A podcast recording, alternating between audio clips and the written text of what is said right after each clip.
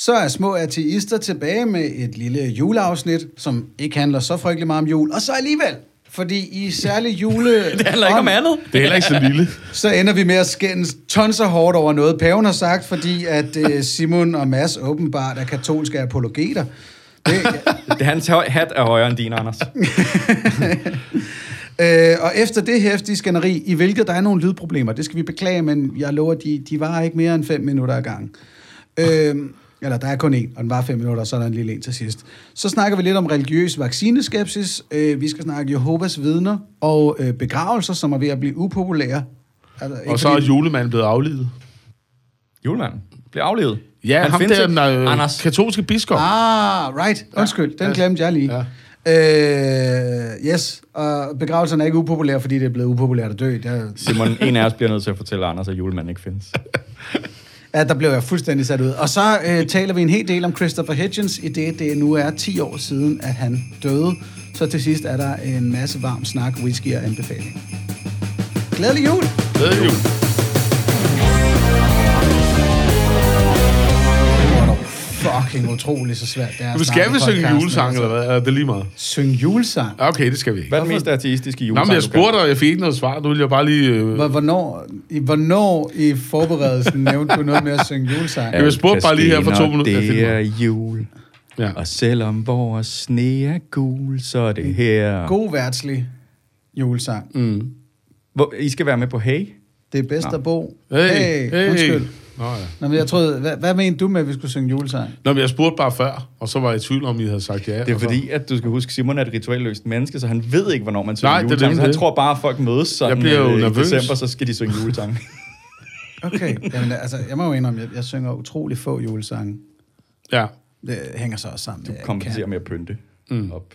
Ja, ja, ja. ja. Jesus det. blev født med et kæmpe lem. Den kender vi jo alle sammen.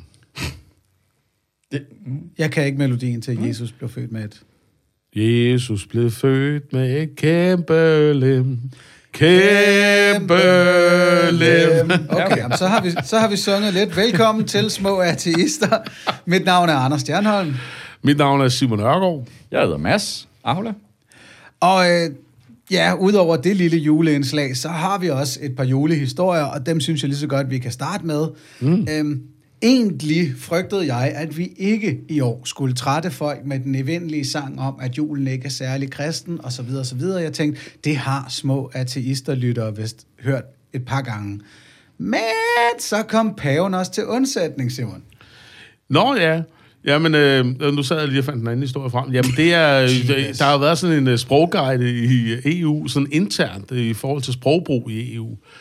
Og øh, af hensyn til minoriteter, og at øh, man måske skal tage hensyn til, at alle ikke er kristne, så er det for eksempel blevet øh, vejledt i den her sprogguide, at øh, man ikke skal kalde juletiden for juletiden, men ferietiden.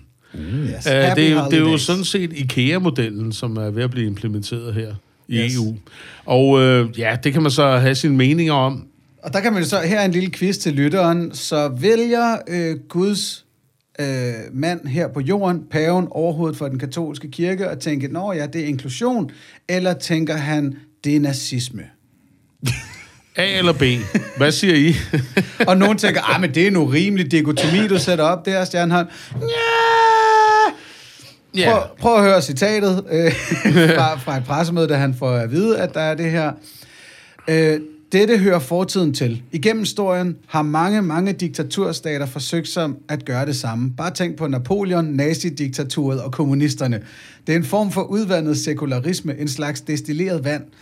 Men vi har også igennem historien set, at det er noget, der ikke har fungeret.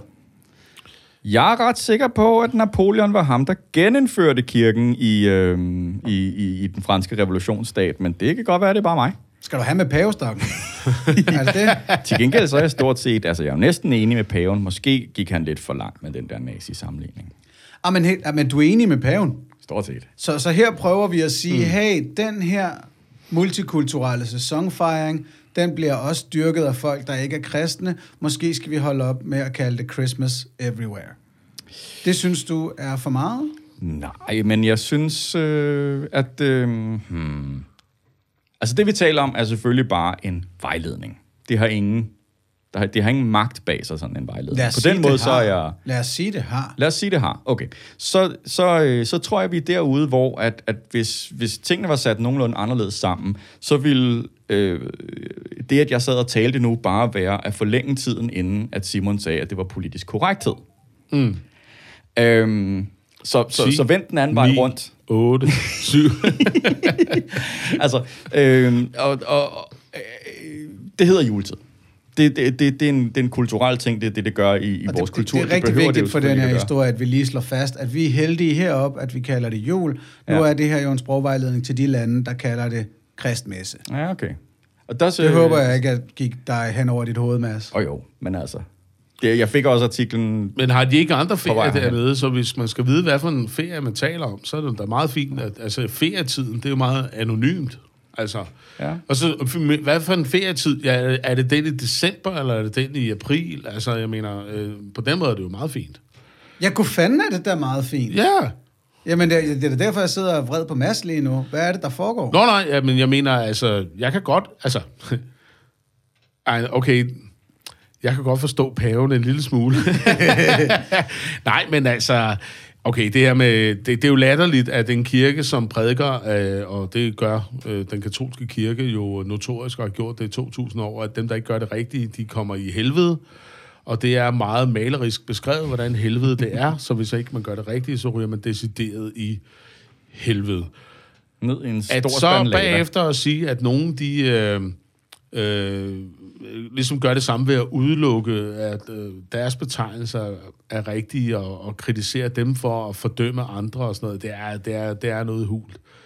Men der- altså, generelt bryder jeg mig ikke om den her sprogpoliti-agtige ting, fordi øh, sprog er vigtigt. Så, altså, jeg har aldrig holdt jul, men altså, jeg er da med på, at lige nu, der er vi midt i øh, juletiden, og det ved vi alle sammen, hvad det betyder. Nej, det er jo netop det, vi ikke gør. Mm.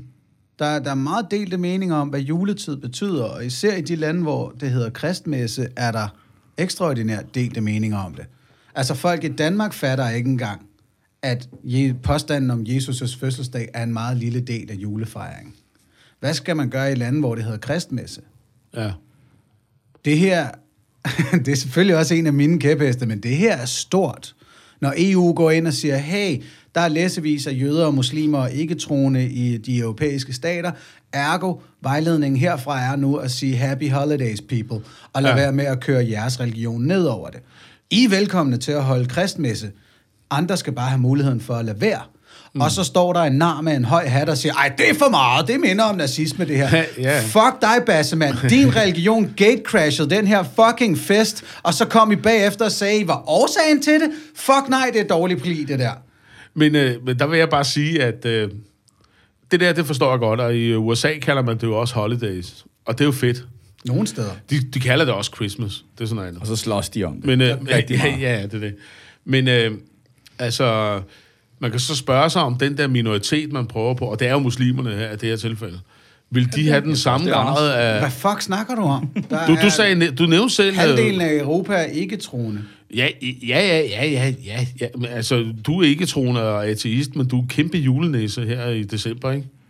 Altså, du sidder i Ja, juletøj lige nu, det kan og- lytterne ikke se. Og, du sidder i næsekostyme. og fremover vil jeg ikke have, at der kommer et men ind i den sætning. Nej, Du okay. er kæmpe ateist og juletosse. Yes. Der er ikke nogen grund til et men. Der er kun et grund til et men, fordi de der kristne hoveder har gatecrashet festen og bagefter Yes. sagt, at de var årsagen Men, til øh, det. Så vil jeg bare byde Men der- ind, og så vil der- jeg sige, jeg er den mest ateistiske herinde, for jeg er så ateistisk, så jeg godt kan tåle, at det hedder jul, eller kristmesse, eller slik Jesus i røvenmesse, øh, eller øh, et eller andet. Jeg kan også godt være med på den det er sidste. Bare, det er bare, det, øh, det er bare sprog, og, øh, og, Ja, og hver gang man er skal lave noget mener. sprog om, så mister man øh, noget, noget tydelighed, og så skal man til at samle det op igen.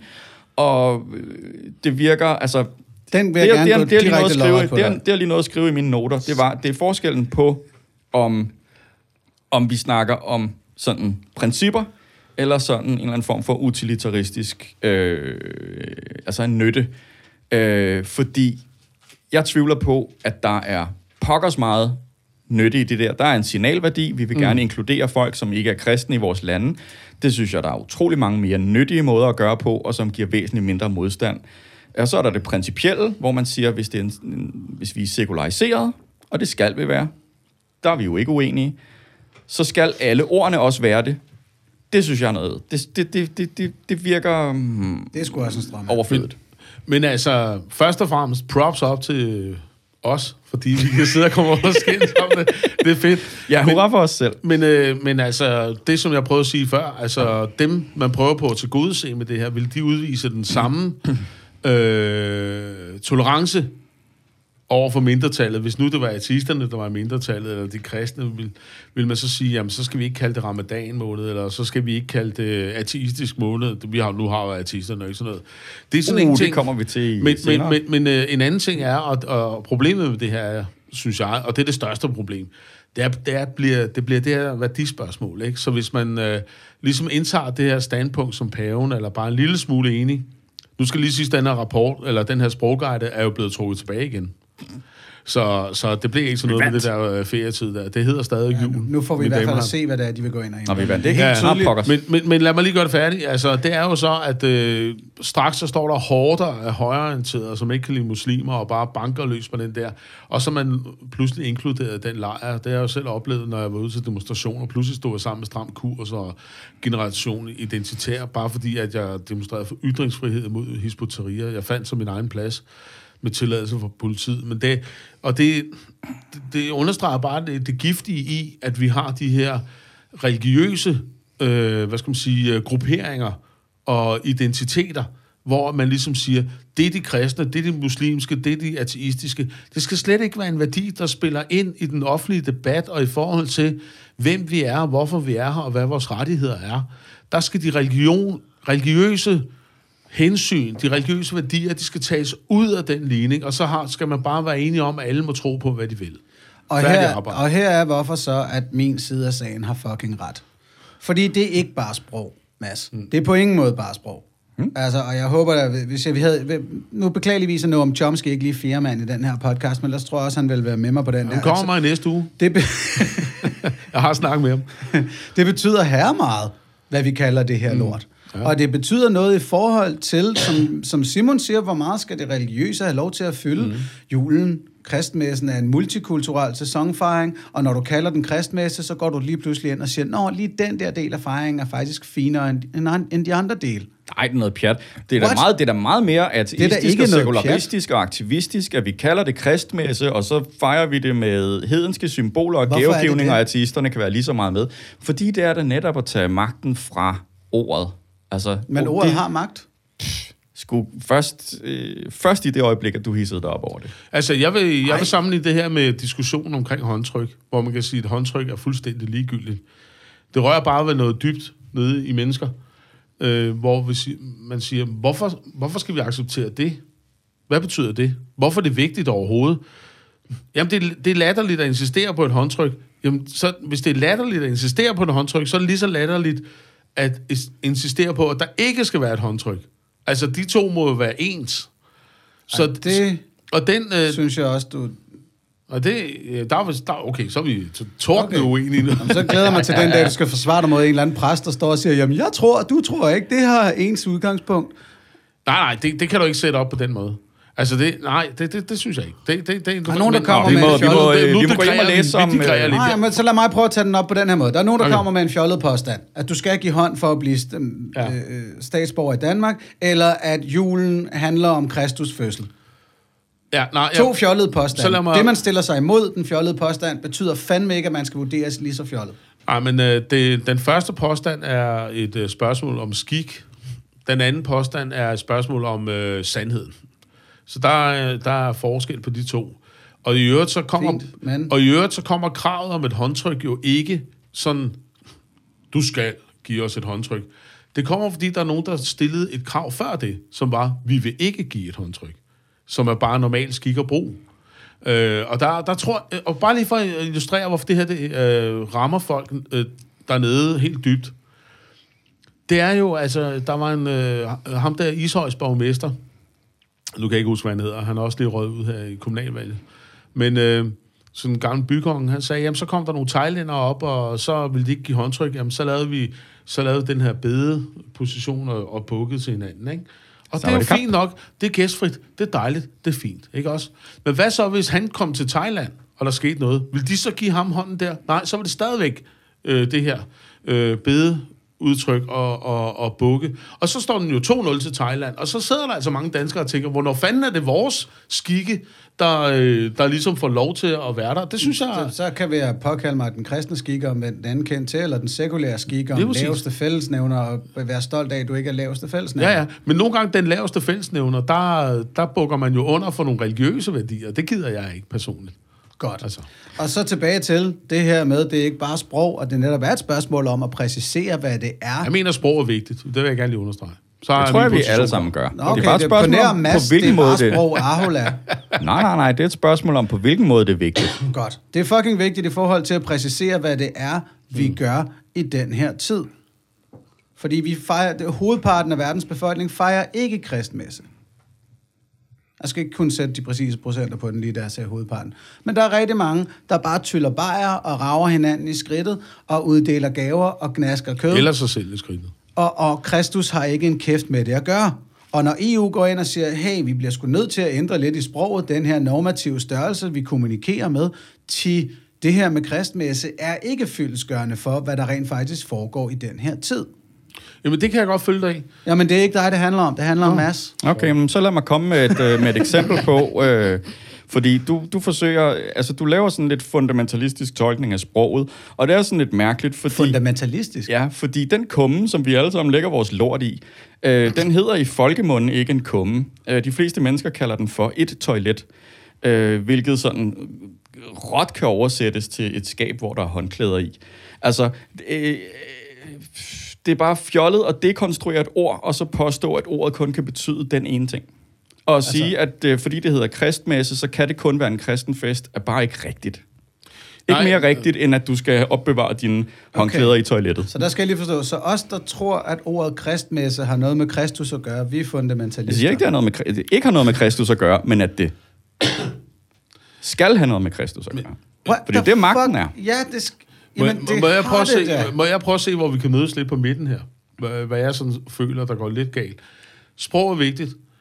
Der, hvor, så jeg er enig med Mads langt hen ad vejen. Jeg er også langt hen ad vejen enig med dig. Der, hvor jeg synes, problemet er med den her, det er, at det er et religiøst hensyn, man tager for at lave den her sprogguide.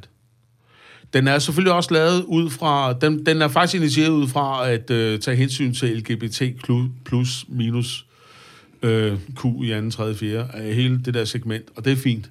Og derfor kom det her ligesom med. Men her kommer der et religiøst hensyn ind, og det er der, hvor jeg så stejler lidt. Og, og, og der, hvor den måske, og det, handler, det er jo så ikke det, vores podcast handler om, det er, hvem er det, der bestemmer budskabet? Er det afsenderen eller modtageren? Og det er måske der, hvor I to digrerer lidt fra hinanden, tænker jeg. Er det helt forkert? Nej, men altså, vi kan jo, vi kan jo, øh, vi kan jo bare tage det op øh, igen, sådan, øh, når mm. vi kommer i tanke om flere argumenter. Jeg tænker, vi kommer nok ikke så meget videre med det her, men... Øh, What? Nej. Nå, men, øh, Ja, jeg har slet ikke lyst til at lade slippe på det her. Jamen, øh, nu har så lad jeg os sådan, da- nu, nu Jamen, tager okay, vi så bare lad mig spørge dig, timer Anders. på den her. altså. Okay, jamen, det er fint. Fordi jeg er jo en funda- fundamentalistisk læsning, fordi jeg læser, at kristmesse har noget med Kristus at gøre. Altså, undskyld, det, det virker super blåøjet på en eller anden måde, Mads, at sidde og sige, at det ikke er noget problem, at den her sæsonfejring, som er den største, det globale samfund har, bliver brandet som regulært kristen, til trods for, at den ikke er det.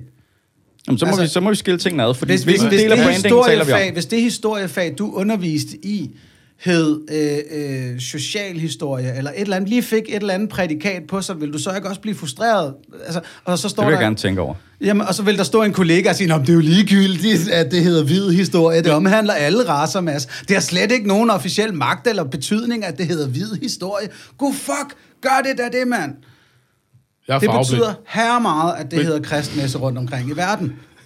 Vi har meget kløgtige mennesker i Danmark, der stadig tror, at det er Jesus' fødselsdag, der er den ene gyldige Ja, det er årsag til den her fejring. Alt det der Ja, er men det overbeviser vi dem jo ikke om, at de tager fejl ved, ved at insistere på, at navnet skal laves om. Det er den eneste, det er bare Jo, jo, jo, eneste, det er stop, den eneste stop, måde at stop, få dem til at stop holde op med at stop lytte. stop Det eneste, de der. opnår ved det, det er at få dem til at holde op med at lytte på, hvad vi Okay, siger. okay, tankeeksperiment. Fra i morgen hedder det øh, holidays i hele Europa. Vil det ændre noget i nogle europæers øjne i forhold til, om den her sæson handler om Jesus' fødselsdag? Jamen, nu bruger du også magi. Ja, det, sådan kan man altid vinde Nej, diskussion nej, ved at det er bruge ikke magi. at bruge magi. Det Det, vil er ikke- det er nej, det- tanke... Marcus- Simon blander lige udenom. Det vil Ja, ikke det er ændre et noget. tankeeksperiment. Det vil ikke ændre noget. Ja, okay, så hvis vi i Om, det morgen... mener jeg, det vil. Hvis vi i morgen det stoppede med at kalde det kristmesse foran 500 millioner europæere, så vil det ikke ændre folks indstilling til, om julen handler om Kristus. Selvfølgelig vil det det. Selvfølgelig Lad mig lige... vil det. Prøv det. nej, fordi, Men prøv det er ikke det, vi diskuterer. Vi diskuterer ikke tankeeksperimentet. Vi diskuterer en vejledning, og du startede med at sige, lad os, diskuterer- lad os sige, at den har magt. Det var, det, det var, det var den præmis, ja, som og vi du startede, startede med at sige, diskussionen at det på. ikke havde magt. At Ja, og så sagde, du, så sagde du, lad os sige, det har. Så sagde jeg, okay, den går jeg med på. Det er det, der er præmissen for Og ud fra diskussionen. det her Hvis det har tankeeksperiment blev vi alle sammen enige om, at det har magt, ikke? Nej, for Det jeg anerkender, ikke, jeg anerkender ikke, at dit tankeeksperiment afspejler det. Uanset hvad man kalder det, så vil folk jo holde jul på den måde, de plejer at Hold nu lige op med at afspore. Og, nej, jeg afsporer ikke. Jo, du gør sgu lidt. Nej. Vi, vi, må kunne holde den nede på det her med, hvis lortet skiftede navn i morgen, Ja. så vil det ændre noget i nogle menneskers opfattelse. Nogle menneskers, okay. Yes, yes, yes. Nogle og hvis menneskers. navnet skifter over løbende over tid, fordi EU går ind i en vejledning og siger, nu er det ikke kristmesse længere, nu er det holidays, så vil det rykke i nogle mennesker. Lige så stille. Det er vel for helvede den magt, vi kan være enige om, ord har. Jeg På tror, det, sigt, det, det, på det, meget, det tilfælde, er det lovgivningen, der har den magt. Altså- og det kan godt være, at Det er det, kan have en virkning, men det kan have, er det har, det har både en dårlig og en, en, en, en god virkning. Den gode virkning kan være, at det med tiden medfører, at flere mennesker får øjnene op for, at det ikke er deres lille øh, hyggekults øh, topfejring, der er sådan Yes. primus motor bag hele den her festivitas. alle tre enige om, at det vil have den effekt? jeg har, sætninger har nogle gange to Muligvis. Godt. Den dårlige. Mm, Men øh, det har også den virkning, at det bare polariserer emnet, Ja.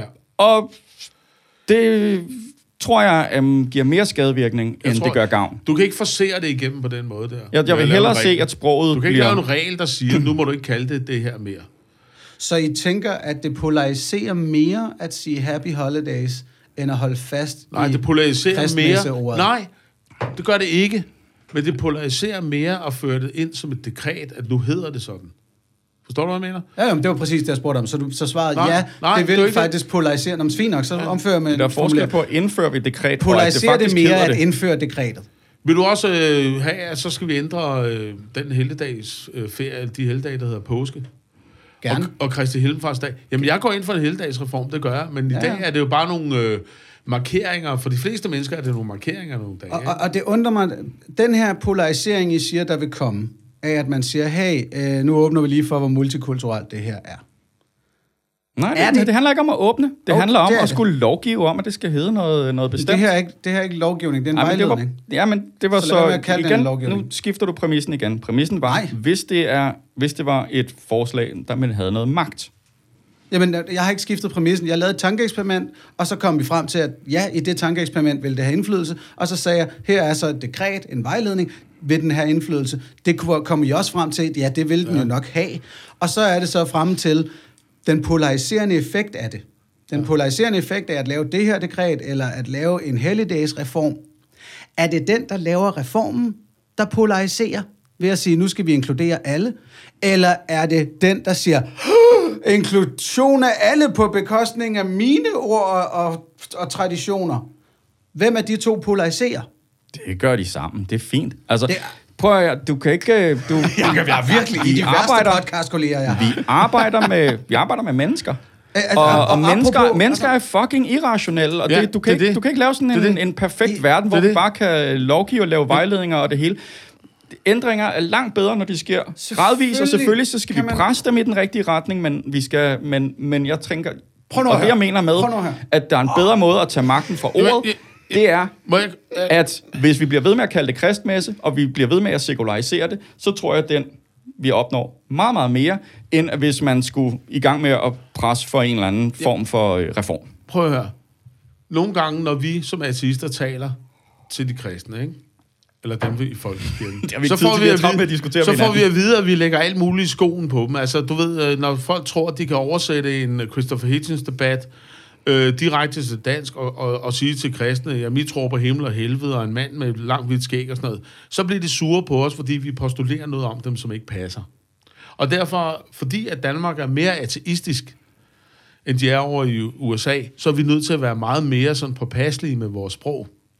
Uh, På samme måde her, sproget er magt. hvis man siger, nu må I ikke kalde det jul længere, fordi vi har bestemt sådan og sådan, så lægger folk alle mulige andre dagsordner ind i det. Det, det kan godt være, at de er ateister, men de vil stadigvæk gerne kalde det jul. Det kan godt være, at de ikke ved en skid om kristendom og tror, at den største højtid på året for kristendommen, det er julen. Hvilket, ja, det er måske den største, men det er ikke den vigtigste. Den vigtigste kri- kristne højtid er påsken, og det ved danskerne ikke. Altså, altså, så, så, så det er jo sådan et, det er et skisma af, af at, øh, altså jeg tror, altså, uden, ja, øh, øh, vi havde diskussionen om ordet nære i, øh, ved, 10 år. Nu er nære glidet ud. Der var rigtig mange, der var imod det her med, at man ikke må sige nære, fordi det som hvad jeg også, du men, siger det også meget lige nu, altså. Nå, jo, altså, okay, man, hvis man skal snakke om, hvad for nogle bandeord man ikke må sige, så må man også nævne bandeordene, ikke? Men altså, det ord vil folk ikke sådan, øh, øh, sådan slippe, fordi det, der, det blev slået, de blev slået hardcore med racisme, hvilket de ikke var, og de brugte det ikke racistisk. Men nu er ordet jo ligesom efterhånden glædet ud, og jeg tror, det er den der langsomme øh, ting, man skal gå efter, i stedet for ligesom at lave et dekret. Nu må I ikke kalde det juleferie længere. Ah, er det min tur til at rante? Ja, altså, ja, ja, ja. Kom Okay, fra. f- indledningsvis- Jeg savner faktisk et rainfighter. Det er jo mindst 10 sekunder siden. Ja, indledningsvis, fuck din strømmand. De, de må er gerne kalde det kristmesse, hvis de vil kalde det kristmesse. Det her er en vejledning til EU omkring at være inkluderende i forhold til deres arbejdspladser og så videre, og sige, det er happy holidays people. Og så er der nogen, der kommer og siger, "Nyi, vil I kalde det noget andet end det, vi plejer? Fordi vi åbenbart giver den her løgnhistorie årsagen til julefejring. Ikke? Øh, det, det handler om at sige, vi kan inkludere andre ved at tale på den her måde. Det kan og det man. handler om... At, 100%. Det har jeg ikke Og det handler om, at sproget er, Det er normativt Ja. og varierer sig over Ja. tid. Ja. Nøjagtigt ligesom vi hele tiden, vi får nye ord ind i ordbogen hvert Yes. år. Man går ind og ændrer definitioner af bestemte ord. Man kan sågar ændre køn på ord. Her er så noget, hvor at man helt virkelighedsnært kan se, hey, den her tid handler ikke kun om Kristus. Så nu ændrer vi lige en vejledning fra centralhold mm. på, til, på en institution, som ligesom dækker ret bredt og siger, lad os prøve lige at bløde op for, hvad der foregår her. Og at kalde det det polariserende, fordi at der er nogen, der bliver sure, det er jeg rigtig frustreret over, I synes. Fordi vi, tre, vi har alle tre arbejdet med eftertro. Mm. Foreningen for eksreligiøse eller mm. bare tvivlere. Og der er en lektion, vi er nødt til at hamre ind i hovedet på de nye rødsøgende, som føler, at de har svigtet deres familie ved at vælge troen fra. Mm.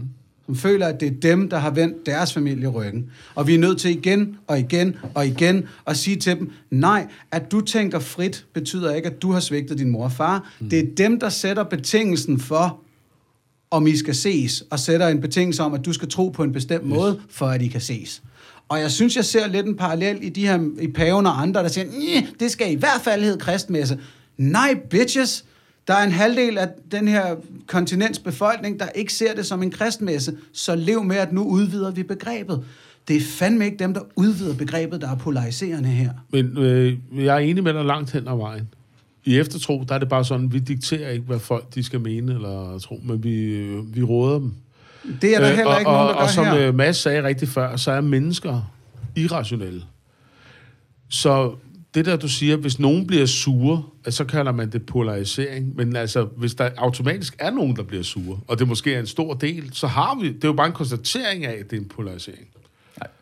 Nej, Altså- nej, nej, nej. Jeg spurgte jer, hvem er de polariserende? Og så sagde I begge parter. Og det synes jeg er borderline victim blaming. Jeg ved, jeg ved ikke, om jeg har sagt begge parter. Det, det gør jeg. Det var mig. Den tager jeg. Okay. Øhm, og jeg... Øh, jeg, jeg øh, mm, øhm, Velkommen Jeg- jeg- til Små Boomer. Hvis du først lige har tunet ind, så er vi stadig i Åh, gang med at på det der over igen. punkt nummer et. Altså med din OCD eller, eller øh, ADHD, så altså, jeg mener, er det ikke noget med boomer, det er folk, der er født indtil Jeg er 1956? pisse ligeglad med dig. Du, du, du nævner det altid, Ja. når jeg kalder dig boomer. Ja, og jeg er fordi, kun du 9 år ældre dig end dig, mand. Ikke? Ja, men du opfører dig 10 år ældre, end du er. Mads, Nå. undskyld, vi afbrød dig. Du var i gang med at give mig ret, tror jeg. ja, jeg... Øh, jeg, jeg, var- jeg var bare fristet af, af, muligheden for at skifte, skifte holdning, eller, eller i virkeligheden at skifte fokus. Det er jo det, vi gør, når vi skifter holdning. Ikke? Øh, så kalder vi det at skifte fokus. Nå. Øhm, Der vil Fordi, jeg gerne og egentlig fordi, jeg også har brug for lige nu at finde på et eller andet, vi, vi er enige om. Og det vi i hvert fald er enige om, det er, at virksomheder rundt, det, det var til en virksomhedsguide til EU. Øh, Noget af den stil. Lad os sige det bare. et eller andet Øhm, dekret. Hvis virksomheder ønsker at være mere inkluderende rundt omkring i EU, og de bruger et mere inkluderende sprog, Mm. så vil den ting i sig selv i hvert fald være mere inkluderende. Mm-hmm. Det er vi fuldstændig enige om. Ja. Præcis hvor ordets magt ligger, lader til, at det, det, kan, man, det kan man gå til på mange forskellige måder, åbenbart. Øhm, det behøver vi nok ikke at være enige om lige nu, men at være enige om, at hvis man i en virksomhed ikke kalder det jul, så kan det godt være, at folk lige skal spørge, men er det decemberferien, vi snakker om? Okay, det er decemberferien, vi snakker om, fint nok. Øhm, men så er den virksomhed mere inkluderende. Det, det, det er der ikke nogen tvivl om.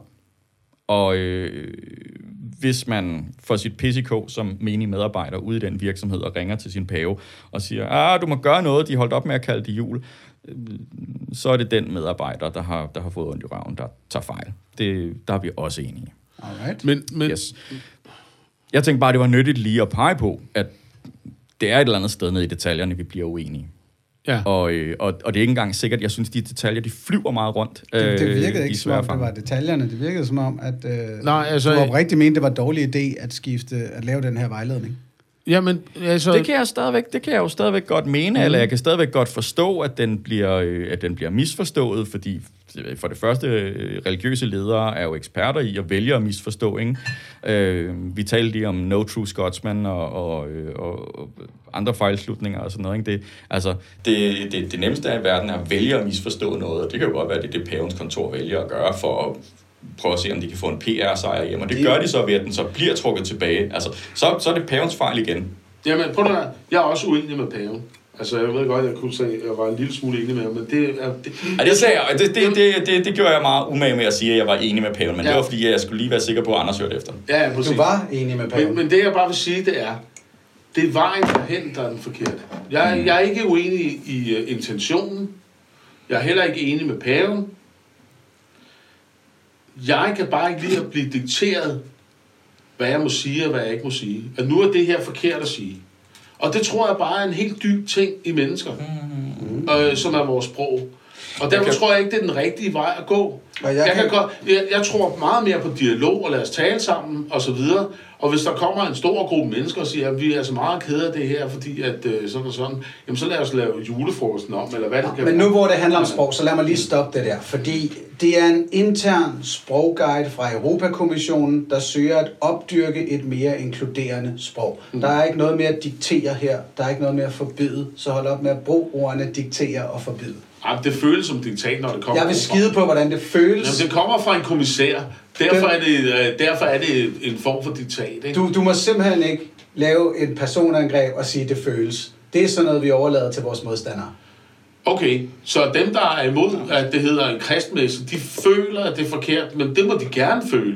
Altså, Nej, synes- det er derfor, vi er argumenterer imod den. Hvad? Det er derfor, vi argumenterer imod dem. De skal ikke bare føle et eller andet. Det vi jævnligt gør som artister, Ja, det er ja, at sige, hold op med at føle. Og Jeg vil her- skide på, hvordan du føler, hvad de har sagt. den her Fordi det, blevet det du og jeg er blevet skudt i skoene i 10 år, Simon. det er rigtigt. det er, at vi kan stå og sige, at vi har sagt X, Y og Z, og så er der nogen, der siger, jamen vi føler, det var A, B og C. Du skal da ikke til at bruge samme argumentation som dem.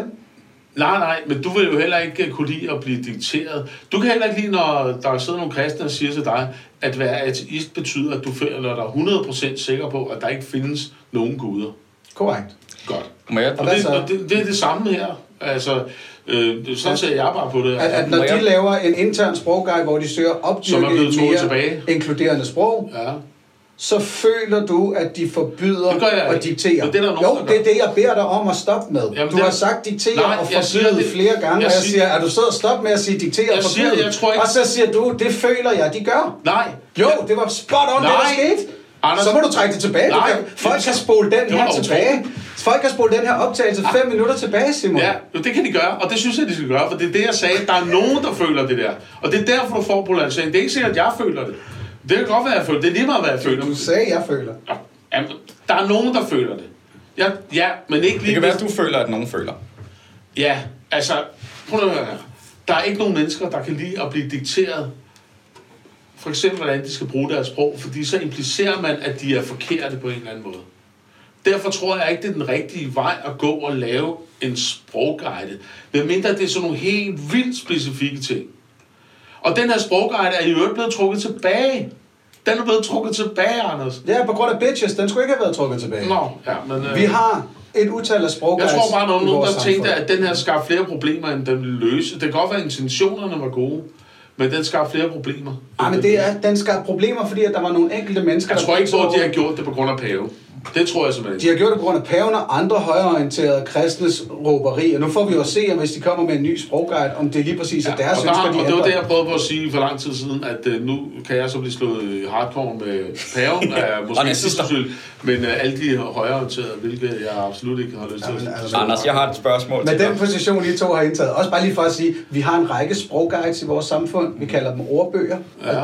de ændrer hele tiden Det er vores noget sprog, andet, Anders. og det, nej, det er, Det er spot on. Det er spot on det samme. Ja, ja. Ordbøger er, øh, er altid konstaterende. Ej, spot on det samme. Det, men, men altså det Så de her... er, de, de er skrevet Altså, på baggrund af, hvordan sproget retskrivningsordbogen er, og er ikke så hvordan det skal være. Den- Der står, hvordan man staver til et ord, og hvordan det udtales. Men det er stadig normativt. Stavningen af ord ændrer sig også. Ja, Og her er det Ja, betydningen... Men det er ikke værdibaseret. Anders, det kommer ned et, fra en øh, ordbog. altså, om- om Ordbøgerne skal bliver lavet lave ned fra, kigger på, hvordan sproget er, og så just- justerer det, øh, så bliver det justeret Ja. øh, den vej rundt. Men jeg har et spørgsmål, jeg, jeg godt kunne tænke mig at stille, for jeg synes, det er interessant øh, i forhold til magt. Fordi ord har magt. Det er vi enige om. Vi er ikke helt om, hvor det har mest magt. Øhm, men en vejledning sendt fra en kommissær ja. har ikke magt. Jo. Okay, fordi der tror jeg, du kom til at sige, at det havde den ikke.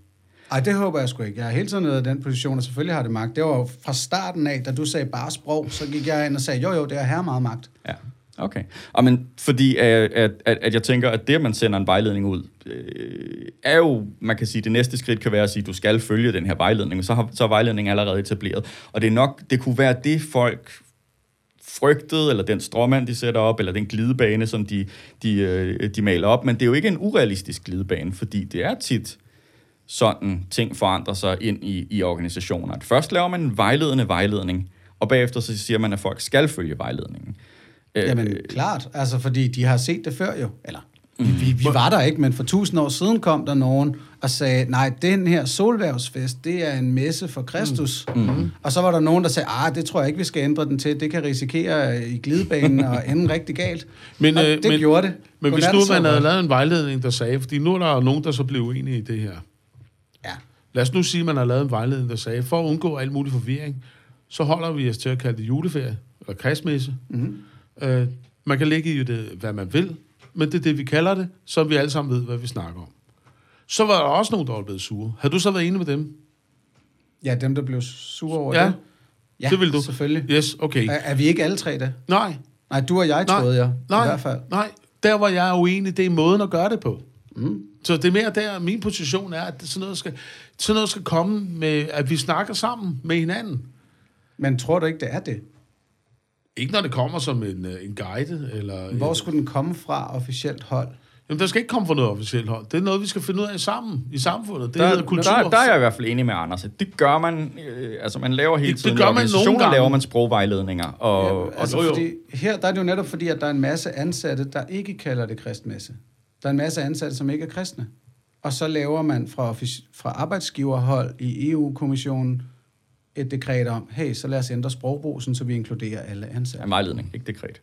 Men, Er det, nå, det troede jeg var det samme. Og det havde vi lige en diskussion om for lidt siden. Nej, Okay. Pynt nu med det.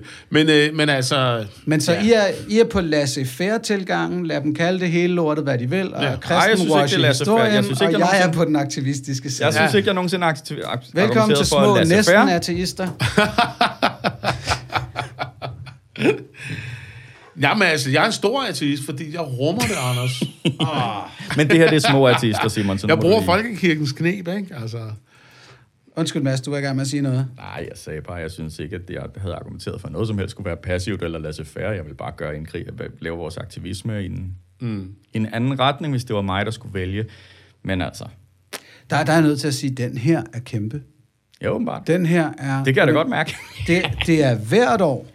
at en rigtig stor mængde af europæerne bliver opmærksomme på kristendommen, fordi den 25. december har Jesus angiveligt fødselsdag. En rigtig stor del af de her mennesker har aldrig tænkt over det. De har ikke tænkt over, at julen er multikulturel. De har ikke tænkt over, at lortet hedder jul eller solværvsfest eller et eller andet andet. De har hørt, at det hedder kristmesse, og er fordi Jesus havde fødselsdag. Og så kommer de i tanke om, at de skal ned i kirken og se krybespil og pisser lort. Det er til stadighed den vigtigste branding af kristendommen på verdensplan. Det er vi totalt enige om. Godt. Og når EU-kommissionen går ind og siger, hey, øh, så meget fylder Kristus ikke i den her sæsonfejring, så er de i gang med at gøre noget for vores side af sagen, for sandheden mm. og for inklusionen. Ja. Og så Eller virker måske det er det bare mærkeligt at brokke sig. Jamen, måske er det kontraproduktivt. Hvad siger du bare? Jeg tror, det, det er også det, der er min intuition, at, at det, der, øh, det, der, det, der øh, kan Og kontraintuitivt. fordi, fordi at folk bliver, lad os sige, det bedste, der sker, det er, at de her kristne, som ikke er opmærksomme på deres eget privilegie, de bliver så opmærksomme på, at der er et eller andet, som de skal være opmærksomme på. Spørgsmålet er, hvad de bliver opmærksomme på. Og min fornemmelse er, at de bliver opmærksom på det forkerte. De bliver opmærksom på, at de er under angreb fra en eller anden kommunistisk konspiration, eller de er under angreb fra islam, eller de... Altså, det, øh, der er bare meget langt ned til, at det, de bliver opmærksom på, er det, som vi gerne vil have, de bliver opmærksom på. Og derfor vil jeg gerne, in a perfect world, let's say, gøre dem opmærksomme på det, der er det rigtige at være opmærksom på først, for at undgå en uhensigtsmæssig reaktion. Men når du siger til nogen, at de er galt på den, så er det ikke dem, der kommer til at sige, nå ja, det er vi også. Men tilhørende bliver måske klar over, at de er galt på den. Altså, den her historie har nu forhåbentlig haft den effekt, mm. at flere mennesker, der tidligere var ligeglade, begynder at tænke, nå, nå ja, det her handler ikke kun om Kristus. Og bevares, at Sørine Godfredsen og andre sikkert himler op og siger, jo, god Jeg fuck skal lige sige, at Anders pegede på Kristus." mig, da han sagde Cyril. Jamen, jeg har svært ved at se forskel. Du kan snart ikke kende forskel. Øh, øh, at det har sgu da en effekt allerede nu forhåbentlig på en del sekulære unge mennesker rundt om i Europa, mm. der tænker, nå ja, det behøver ikke at hedde kristmesse, det her lort. Og, og nu sagde du ordet, Anders, og det var det, jeg lige ville tænke på, eller det kom til at tænke på, da du sagde det, du sagde nu her, Mads. Det her, det er jo noget, som staten, myndighederne, ikke skal have nogen speciel mening om. Øh, derfor kan man jo godt begynde at udfase nogle religiøse ting i staten. Det mener jeg jo absolut, man skal. Vi skal have et sekulært samfund. Det er jo mit mantra. Øh, jeg er bare ikke sikker på, at det er den øh, rigtige måde at, at gøre det på. Men øh, altså i virkeligheden skal... Når man så kalder det jul, så kalder vi det jul, men altså, I skal ikke have nogen særlige beføjelser af den grund. I skal ikke have nogen særlige, eller beføjelser, nogen særlige hensyn. Øh, nej, I skal gå på arbejde alligevel, som i... Men altså, det her er og det andet, teknisk- tredje. Teknisk set også bare en arbejdsgiver, Mm. der Ja. ændrer et, et regelsæt for sine ansatte. Ja, det er rigtigt. Yes. Men, Nå, øh, er vi ved at være i mål med den her? yes. Tag, tag dine øh, træsko på igen og put halmet i. Og så næste historie. Den, vi er stadig i juletider, ikke? Jo. Så lad os se, om vi kan skændes over den her. Yes. Kom med det, Simon. Ja, nu skal vi skændes om julemanden eksisterer eller ej, eller hvorvidt Nej. man må i tale det. Din store idiot. Og der er simpelthen sket det nede på Sicilien og alle steder, mafiaens hjemland, at uh, biskop Antonio Stagliano, øh, han er biskop, øh, han har sagt i en uh, prædiken for nogle børn, med al respekt for Coca-Cola, som opfandt julemanden, er det en biskops pligt at diskutere evangelisk velgørenhed. Aha. Øh, og jeg kan godt forstå intentionerne i det, han siger noget med alt det her julegåhej, øh, øh, det, den kommercielle jul, bla bla bla. Men hvad handler budskabet egentlig om? Den evangeliske velgørenhed. Men problemet er, han taler jo til børn. Yes. Og de blev altså noget frustrerede. Altså, hvis børn øh, i Danmark tror på julemanden, så forestil jer det katolske Sicilien, hvor meget de faktisk tror på julemanden. Og så står biskoppen og fortæller dem, at han bare slet ikke findes. For katolikker og fulde folk. Øh, ja. Hey. Øh, Jeg elsker, hvad, hvad var det, han hed igen? Antonio? fulde folk, han hedder, øjeblik, jeg skal lige se her, han hedder Antonio Stalianos. Stalianos. Racist. Stalianos. Der har man lidt lyst til at... Nu laver jeg lige en Stalianos her. Altså, Nu er jeg en Stalianos. Med al respekt for dem, der har fundet på Jesus og Gud, Ja. så handler det her om moderne etik. Ja. Eller sådan, altså at smide Ja, ja, ja. ja. den på et eller andet tidspunkt. Et eller andet sted, ja. Eller også mener øh, moderne etik, men øh, Jesus og Gud er det vigtige, for det tror han stadigvæk på. Ja, det er ikke? jo men, hans. Men julemanden er det, det her nymodens øh, øh, gejl, der er omkring julen. Det er nok det, der har været budskabet et eller andet sted. Jeg tror så, hvis man går ned i hans budskab, så det han mente var, at det var Coca-Cola, der ligesom opfandt, hvordan julemanden ser ud. Klart. Øh, altså hans øh, lange hvide skæg og, og det her øh, nissetøj, han har på. Kanoniseringen Og så selvfølgelig den her Coca-Cola-lastbil, mm. ikke? Øh, den, Så, den, men så kan vi jo bore videre i den, og så sige med al respekt for de øh, hvide mænd, der besluttede sig for, der, for, hvordan Jesus ser ud. Så var han jo nok en brun, krognæset fætter i sandaler. det er tæt på at være racisme, det der, men altså, okay, det er fint nok. Både brun og krognæset. Han har, er han, han har simpelthen lignet alt, hvad man kan forestille sig, sådan en rigtig mellemøstlig øh, dude har set ud. Yes. Burde vi egentlig ikke sige lysehudfarvet og mørkehudfarvet? Det tror jeg ikke. Jeg tror, jeg må gerne sige brun. altså, det, det, farver er vel for helvede stadigvæk objektive. Men han er vel for helvede lige en del fra Mellemøsten, altså. ikke? Ja, men han har jo ikke været, han har ikke været Tobias Rahim pæn. Han, og det har han jo faktisk måske. Det er nok derfor, man kan få... Øh, Jeg kender ikke Tobias Rahim, jeg har ikke en fetish for den slags, men altså... Så nu er vi også ude er at antage, at der faktisk var en person og alt sådan noget. ikke? Altså, oh, shit. Lad os endelig åbne den der. Yes, yes. Og Tobias Rahim er en, en flot mand. En Okay, sanger. ja, men uh, modtaget. Yes. Øh, altså, sagen er, Han lavet et øh, glimrende nummer, der hedder Jesus var perker. Nå, ja, ja, ja, ja. ja. ja kendte du godt, Simon. Yes, yes, yes, har jeg må godt sige ordet, fordi jeg kan ikke bare til en sangtitel. Yes. Netop, netop.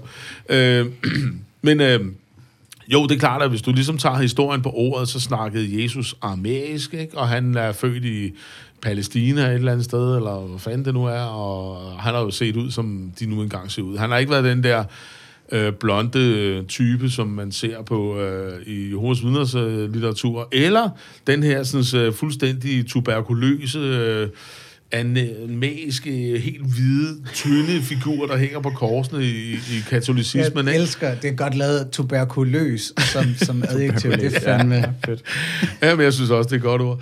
Øh, altså, sådan har Han er han jo ikke set ud. etsoid. Han, han har ikke været hvid i huden. Altså, der er jo nogle af de her øh, øh, billeder, afbildninger af Jesus, hvor han bare sådan er helt vild, øh, hvid, og altså, som, altså sådan afkræftet, Det ville heller ikke se godt ud, hvis du først var blevet pisket og slæbt rundt gennem hele Jerusalem og hængt op på et kors. Altså, jeg vil gerne se dig, men...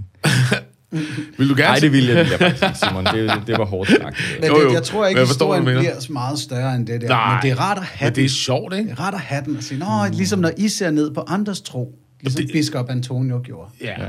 Og det er det der også med, at øh, man kan sige, at øh, børn forstår, øh, altså man, de fleste mennesker kan huske dengang, hvor de fik at vide, at julemanden ikke eksisterede. Eller mange mennesker kan i hvert fald, ikke? Og de blev rasende, ikke? Mm. Og når det der tæppefald er der, og i virkeligheden så er hele religionens illusion jo et kæmpe stort julemandstrip. Ja. Øh, hvor at øh, sådan en som mig, jeg er også blevet rasende, ikke? Det er bare ligesom gang tusind, ikke? Øh, Og så forvandlede du dig selv til en julemand. ja, noget af den stil, ja. Jeg har faktisk virkelig... Jeg kommer for sent i tanker om det hvert år, men næste år, der vil jeg simpelthen sidde i et indkøbscenter og være julemand. Det ville simpelthen være grineren for mig, og altså en cirkel, der var sluttet der, ikke? Altså, Ellers så kunne hvem jeg siger, du godt- behøver at spørge om lov? Jamen, fordi ellers så kunne jeg da bedre se dig nu, når du altid går i sorte heavy t-shirts ja. Og så videre, Ja, at du ja. sad nede i Lost eller Orion i Fisketåret, sådan de der sexlegetøjsbutikker, oh. Og var den sorte pulemand. Uh. og så kunne man sætte sig op på dit skød og sige, hvad man ønskede sig. Uha. af- Ja, ja, det kunne være fint. Ja, Sidder du det- godt? Nej. Øh, Også det fordi, så kan du få lov til at være lige så politisk ukorrekt, du ellers har lyst til. Bortset fra, at øh, altså, nu var jeg kortvarigt inde i sådan en Orion-butik for nylig, og jeg så ting, som jeg ikke havde lyst til at se, og det var en meget uskyldig butik, tror jeg i virkeligheden.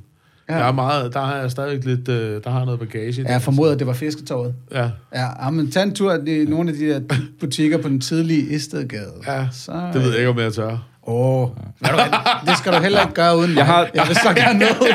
Jeg vil lige nå at sige to ting til den her Og historie. prøve at jeg, jeg har absolut... sort Ja, jeg skal vi fuglemand komme over fra. Sicilien og julemanden og ked, og ked af det børn til sexbutikker ja. på Istegade. Det er genialt. Nå, jeg, jeg, jeg har lige to ting, jeg vil sige Ja. ja. om det her, for jeg har, jeg har absolut ingen stærke meninger om den der historie, andet end følgende. Den er også For bare det sjov. første, ja, det er bare sjov, ikke? At øh, selvfølgelig øh, er biskoppen ikke forpligtet til at stå på mål for andre løgne end sin egen. Øhm, så øh, mere power til ham. God pointe. Øhm, Ja, og, øh, og sidste gang, så havde jeg et indslag, som jeg... Øh, jeg tror ikke, jeg gør nok ud af at kalde det ateismens ulidelige lethed. Og øh, pointen er, at vi har det, vores ateisme har det lidt for let her i Danmark, og at vi er nødt til at kigge helt til Sicilien for at finde en biskop, der stikker foden i munden. Øhm, og siger noget dumt eller farligt, eller noget, der vækker den mindste opmærksomhed. Det her er et fantastisk eksempel på, mm. på netop det. Det vil jeg så gerne uh, dispute en lille smule, fordi at, uh, jeg synes faktisk, at vi har det svære med autismen i Danmark, fordi at det er den ulidelige lethed. Det er det, jeg mener med den ulidelige Nå, lethed. ja, okay, okay. Jamen, så er jeg med. Ja. Men så er det en Og der er jo udmærket en en, præst, der træder ved siden af her i Danmark. Ja, det er en øh, udmærket det. segue til, til den næste historie, som er, at, og den her, lad os endelig lige kreditere Kristi Dagblad, Ja. øh, for at skrive den her historie. Philip. Ateisternes Christi, yndlingsavis. where Christi is due. Ja. Yes, men uh, Philip Christoffersen er en, uh, en, en ret kompetent journalist, synes jeg, uh, hos Christi Dagblad. Og han har gravet frem, at vaccineskepsis stikker nu sit hoved frem i frikirkemiljøerne. Nej, det er det ikke rigtigt. Tænk sig, at også den amerikanske import skulle være øh, kommet til landet, ikke? Ja. og han har en kvinde, han kalder Birte fra Jylland, med i en historie. Og det, det, Du må ikke grine det. jeg, jeg ved ikke, om Man hun hedder Birte. Ja, der står ikke noget om hendes rigtige identitet af bekendt af redaktionen, men Skriver han Birte fra Jylland? Birte fra Jylland, det, det, det, det, det billede, jeg får i hovedet, er jeg sikker på er ret korrekt. Ja. Det er Birte fra Jylland. Hun startede med at sige, at da, da coronaen kom øh, i marts sidste år, der var hun corona-glad og fulgte myndighedernes retningslinjer og udviste samfundssind. Men som tiden gik, strammede restriktioner, og hun, Birte, altså, læste op på, hvad der foregik i verden, mm. også uden for de store medier, og så fik hun en følelse af, at der var noget helt galt. Hun oplevede, at Gud lagde hende på sinde, at der bag ved coronarestriktionerne udspillede sig en åndelig magtkamp at verdens regeringer gennem coronarestriktioner var i gang med at bage vejen for antikrist, som han er beskrevet i Johannes åbenbaring. Og så siger Birte så, det her er det fede. Den overbevisning kom ikke, fordi at jeg gjorde noget selv. Nå. Det var ikke af mig selv, at jeg fornemmede noget var galt. Jeg følte det meget klart i min ånd, og jeg er overbevist om, at det var Gud, der talte til mig. Altså efter den her omfattende research på diverse øh, lumske mediesider. YouTube-kanaler. Øh, og hun ønsker ikke at få sit rigtige navn i, i avisen. Hun er blot Birte fra Jylland. Ikke? Mm-hmm. Øh, hun skriver, eller siger så også, min opfattelse er jo, at man skal underlægge sig myndighederne, indtil det går Guds ord imod. Bang, der var den. Yes. Det er det, det modsatte af tesfare, ikke? Når, når Gud og myndighederne rammer hinanden, så er det Gud, der skal vige. Det er det fandme ikke i Birtes øjne. Det er Paulus' ord, om man skal adlyde Gud mere end mennesker. Men altså, hvis Gud bare betyder samvittighed, så er der vel et eller andet, kan man sige, at, at, at komme efter, selvfølgelig, hvis vi... øh, Men, øhm, men vi skal være skeptiske over for vores egen samvittighed, fordi den er ikke et særligt godt redskab, medmindre vi Nemlig. skærper den. Og, og hele historien handler så om, at, at der er en klar fornemmelse af, at i frikirkemiljøerne foregår det her. De officielle repræsentanter siger, at nej, nej, nej, nej, nej. Men alligevel, hvis man går ind på udfordring.dk, som er sådan en frikirkekristen hjemmeside, så kan man læse flere ledere og indlæg omkring, at nu må det fandme også stoppe. Mm. Og det har vel sin rod i to ting. Der er noget, der er noget videnskabsunderminering generelt mm-hmm. i, i de her, den her religion. Og så er der en, en dårlig uddannelse inden for kritisk tænkning, mm. der kommer af at være opdraget mm. inden for det her. Så selvfølgelig, altså et eller andet sted for os, så sidder man og tænker, at selvfølgelig er der problemer med vaccineskepsis blandt mennesker, der ikke har lært de her ting ordentligt. Ja, ja, men altså, hvis man, hvis man vælger at basere sit liv på idéer, som man ikke har et særligt, som ikke har et særligt solidt grundlag andet end, at det føles rigtigt, og at måske mange, jeg godt kan lide, synes det samme. Øh, så har man jo ikke, altså, så har man ikke en metode til at komme frem til, hvad der er rigtigt Nå. og forkert. Og så lige det øjeblik, at man så bliver lidt nervøs over vacciner, og det er der mange mennesker, der gør, fordi der er noget med nåle og kemikalier at gøre og alt muligt, og man, og man, og man bliver skrevet det i hovedet hele tiden, og medierne snakker hele tiden om det, så man kan ikke lade være med at tænke på det. Jo mere man tænker på det, jo mere ængstelig bliver man. Og så på et eller andet tidspunkt kommer man frem til den ængstelse. Det er Guds stemme inde i mit hoved. Det er min samvittighed, og den kommer direkte fra Gud. Og hvis du tror, at din samvittighed kommer direkte fra Gud, så stiller du ikke spørgsmålstegn ved den på samme måde, som vi gør. Mm. Det er en smukt formulering. Og det er altså netop det der, når du har en facitliste, så har du ikke en skeptisk tankegang. At den, skal du, den lærer du netop, at du skal putte væk. Men hvis du så begynder på at være skeptisk, så When does it er, end? så er du skeptisk i forhold til at nå hen til det standpunkt, du allerede indtager. Ikke? Så det der med, jeg kigger udenom de store medier, ikke? det er jo første kæmpe alarmlampe. Ikke? Altså folk læser alt muligt pis og lort på, på nettet, ikke også? og, og har slet ikke nogen... Øh, altså jeg vil her lige anbefale at se øh, på DR's, øh, ja, DR, øh, Signe Voldes øh, serie om at lade konspirationsteoretikerne for øh, for ordet, eller et eller andet, tror jeg, det hedder. Mm. Hvor man ser nogle konspirationsteoretikere, og de er ikke, ja, de er jo helt væk fra vinduet, altså lad os bare være ærlige, men altså, det er jo ikke sådan, at de er, ikke kan finde ud af at have et arbejde og tjene penge. Altså, det er jo ressourcestærke mennesker. Der er bare et eller andet, hvor de simpelthen ikke... Altså, kildekritik. Hallo? Ja, balladen er, at vi er rigtig gode til at trække stregerne mellem prikkerne. Øh, vi er bare ikke så gode til at sortere i, hvilke prikker vi skal bruge. Nej. Så, så hvor du, jeg er glad for, at du siger, jamen, hey, gå ind på DR.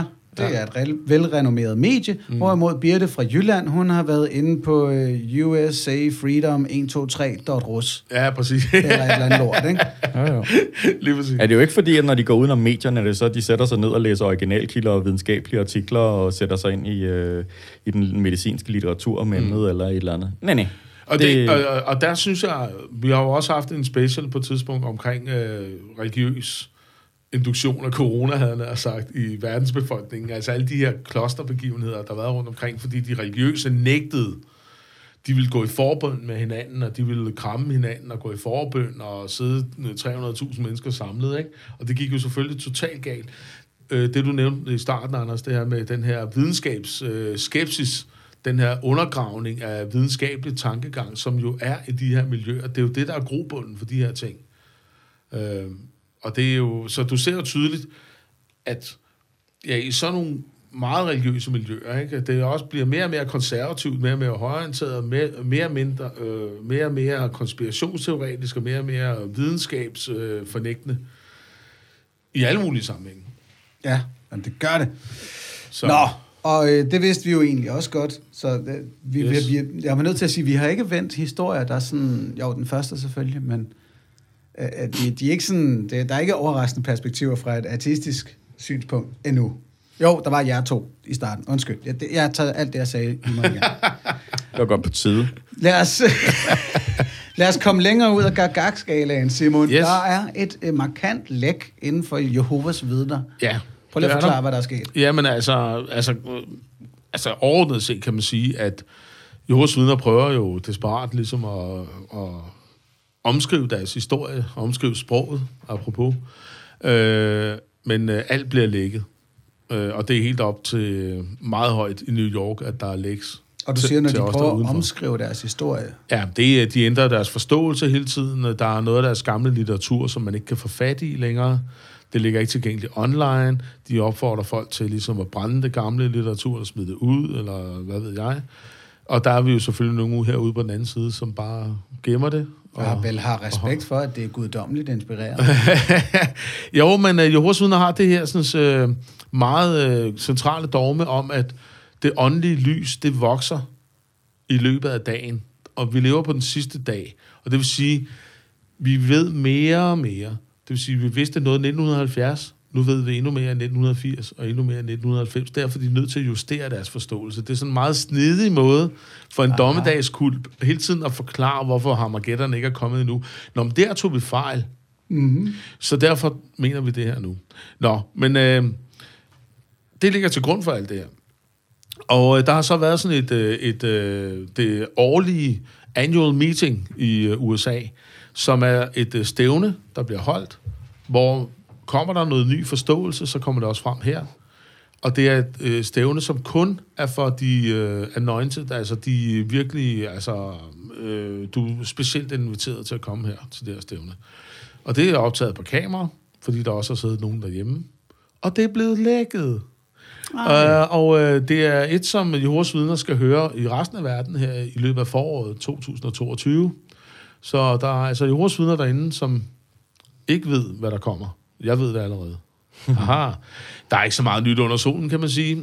Der er noget omkring de salvede, og øh, hvordan de, øh, de her, sådan, øh, de har jo det styr, de salvede, skal jeg lige sige, nu blev det Ja, indforstået. skide godt. Det er øh, de her 144.000 mennesker, der ligesom skal trækkes op i himlen og være præster sammen med Jesus i den nye verden, under det nye tusindårsrige, som jo også er et... Øh, Hitler, han havde det fra Bibelen, tusind år siden. Så, så det der med, at der kun er 144.000 pladser i himlen, det er Ja. fordi, at resten kommer med i den nye verden? Her på jorden, lige præcis. Aha. Ja. Og det var noget... da de fandt ud af, at Hvis de medlemstallet... præster, så er det jo så er det en lidt, manifest. Øh, ja, det er nok mest... Ja, men der, er- jeg tror også, de mener, der kan være nogle kvindelige. Men der er Den en stor store pølsefest. paradisiske pølsefest. Og det er jo et eksempel på en ny forståelse, fordi dengang Jehovas vidner startede, og dengang hed det bibelstudenterne, der regnede de med, at der ville komme 144.000, og så ville de blive rykket bort. Men så pludselig var de jo flere. Så måtte ja. de jo finde ud af håb. Og så fandt de ud af, at der var noget i Bibelen, der hed den store skare. De lavede deres egen lille... Fordi det kan jo ikke nytte noget. Og så måtte man justere forståelsen, ikke? Altså, det er det der, når du hele tiden tager fejl. Når, når virkeligheden ligesom viser, at du tager fejl, så laver vi en ny forståelse, ikke? Og det er jo også kun godt, fordi lyset vokser, ikke? Det er kun godt, hvis man kan finde ud af at indrømme, at det er det, man gør. Men, øh, men, altså, men, men altså, der er så... Øh, øh, vidner har så det styrende råd, som er sådan ligesom Guds myndighed her på jorden. Og det er otte gamle mænd i New York. Og øh, de taler om deres egen rolle. De taler om på det her stævne, hvordan at øh, de at brødrene ikke skal øh, blive mismodige, hvis de bliver rykket bort.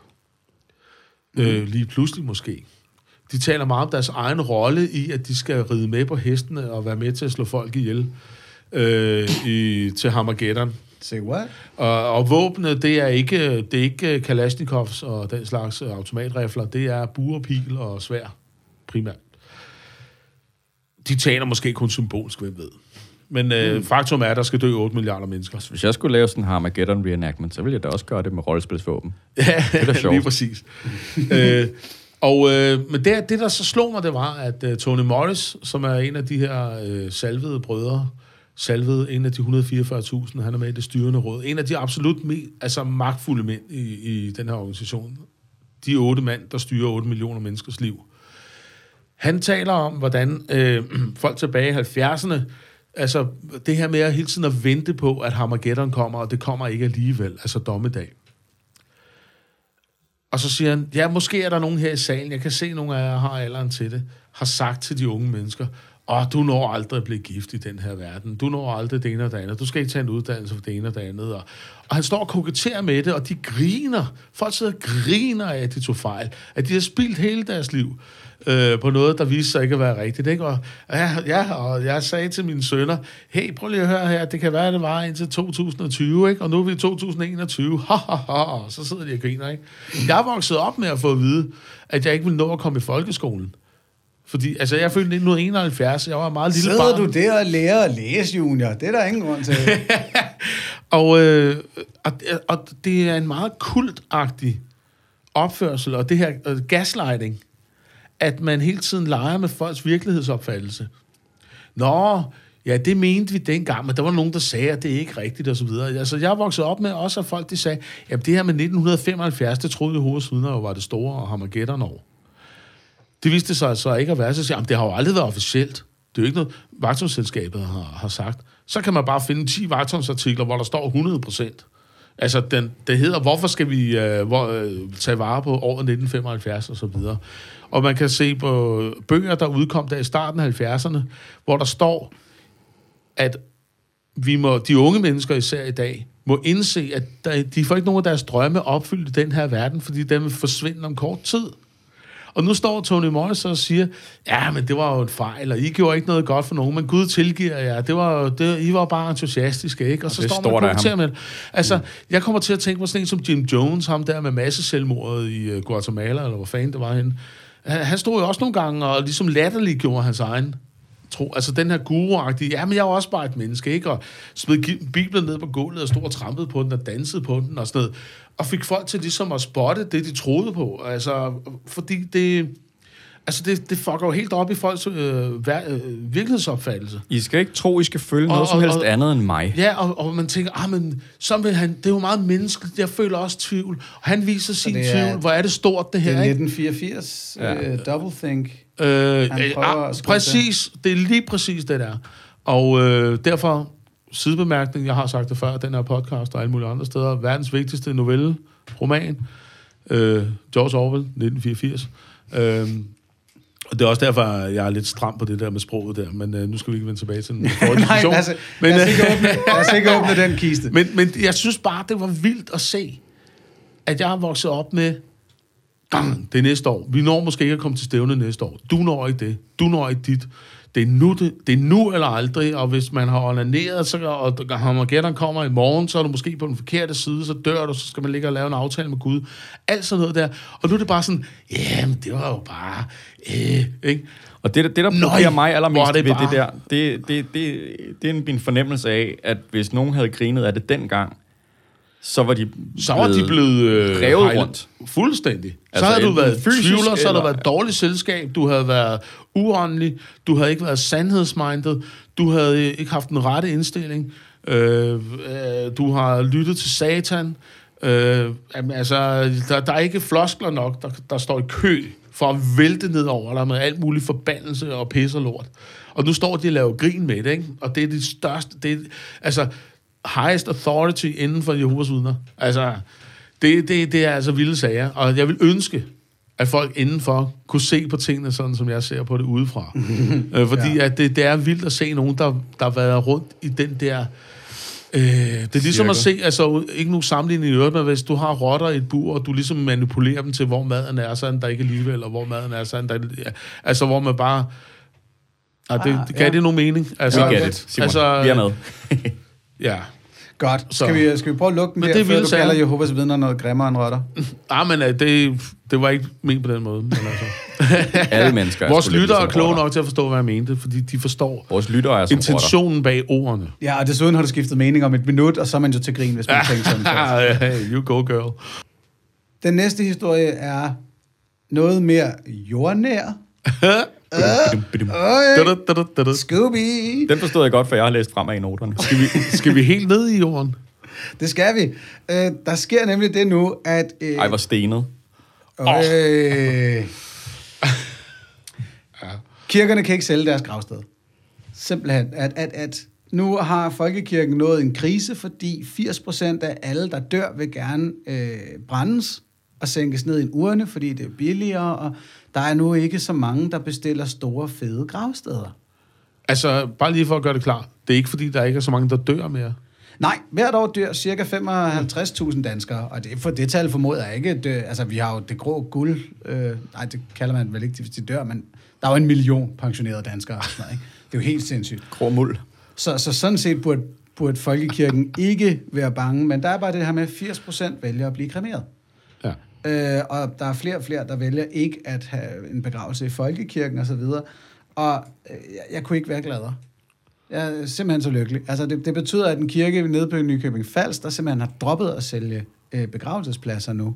Jeg, ved ikke lige hvorfor, men fordi de har vel stadig jorden.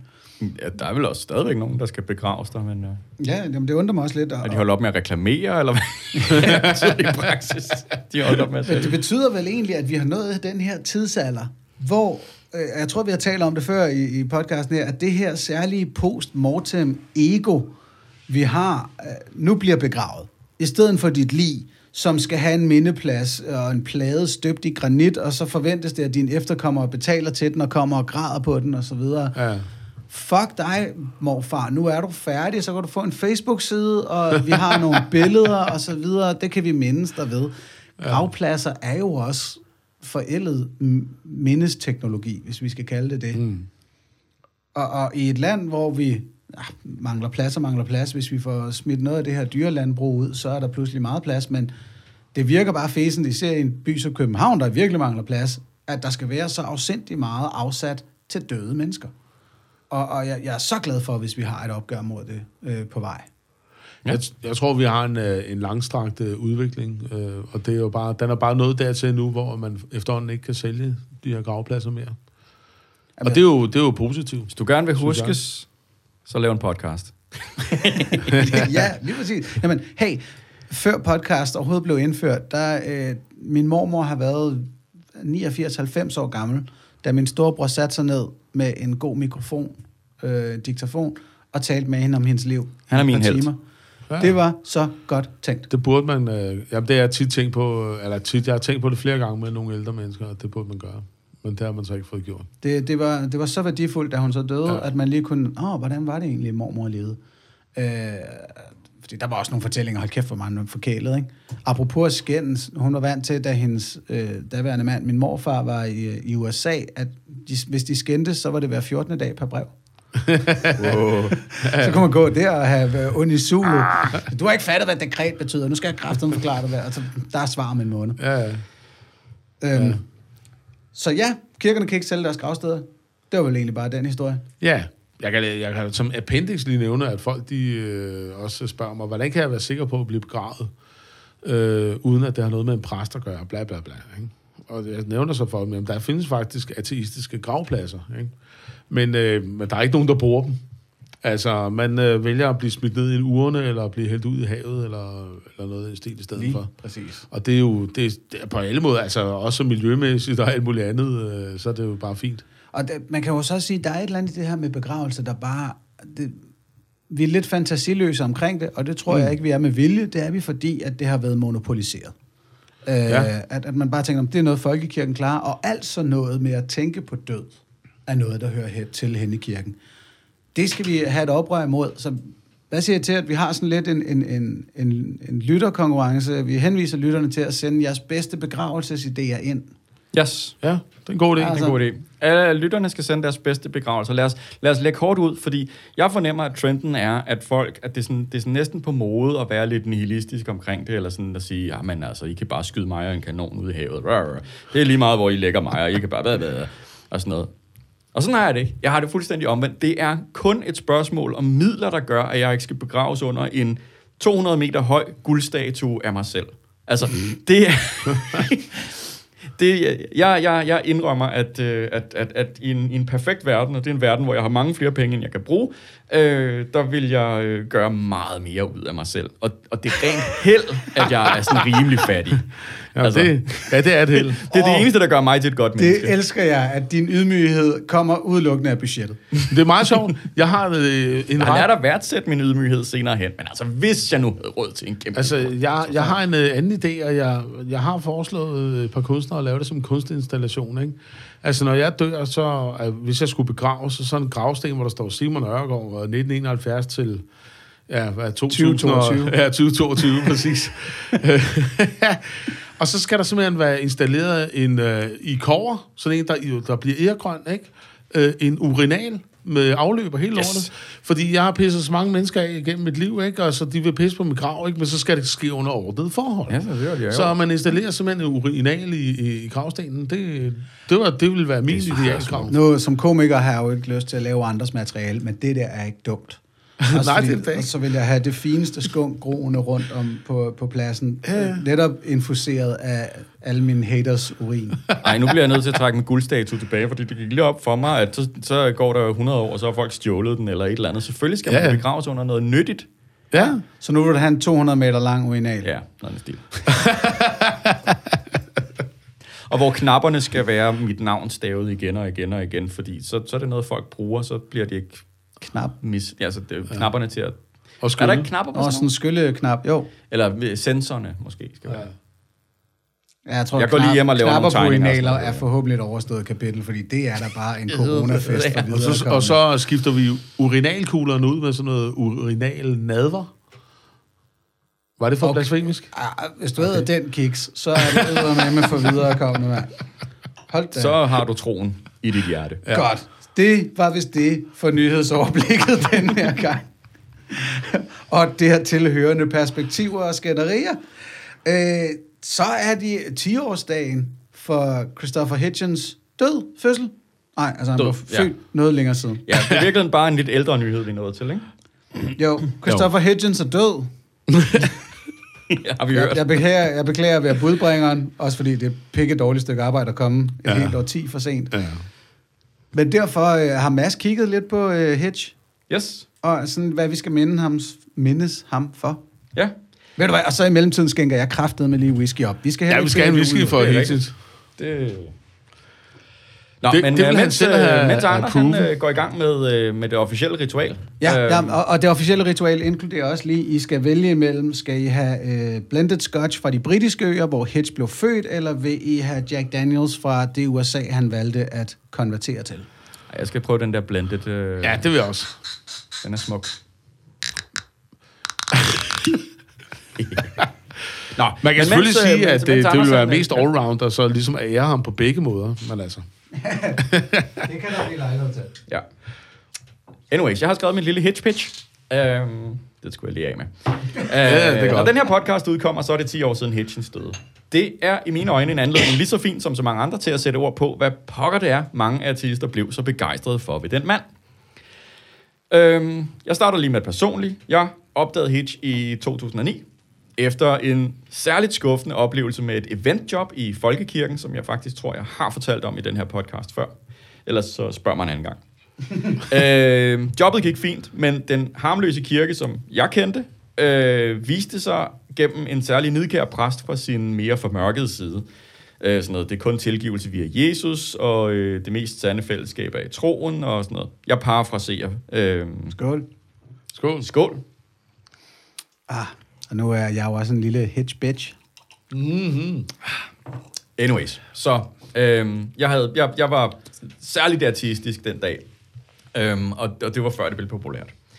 Øhm, så jeg lavede min egen research, og det ved vi alle sammen godt, at det betyder, at man sætter sig ned og ser en jævn strøm af YouTube-videoer. Øh, og det gik fra Bill Maher til Richard Dawkins, og så til Hitchens, som åbenbart skulle være den barske af, af de der øh, kritikere. Ah, okay. Øhm, så det tænkte jeg, "Ej, jeg må også hellere lige, altså, øh, når nu jeg var ved at eksperimentere med det der artisme.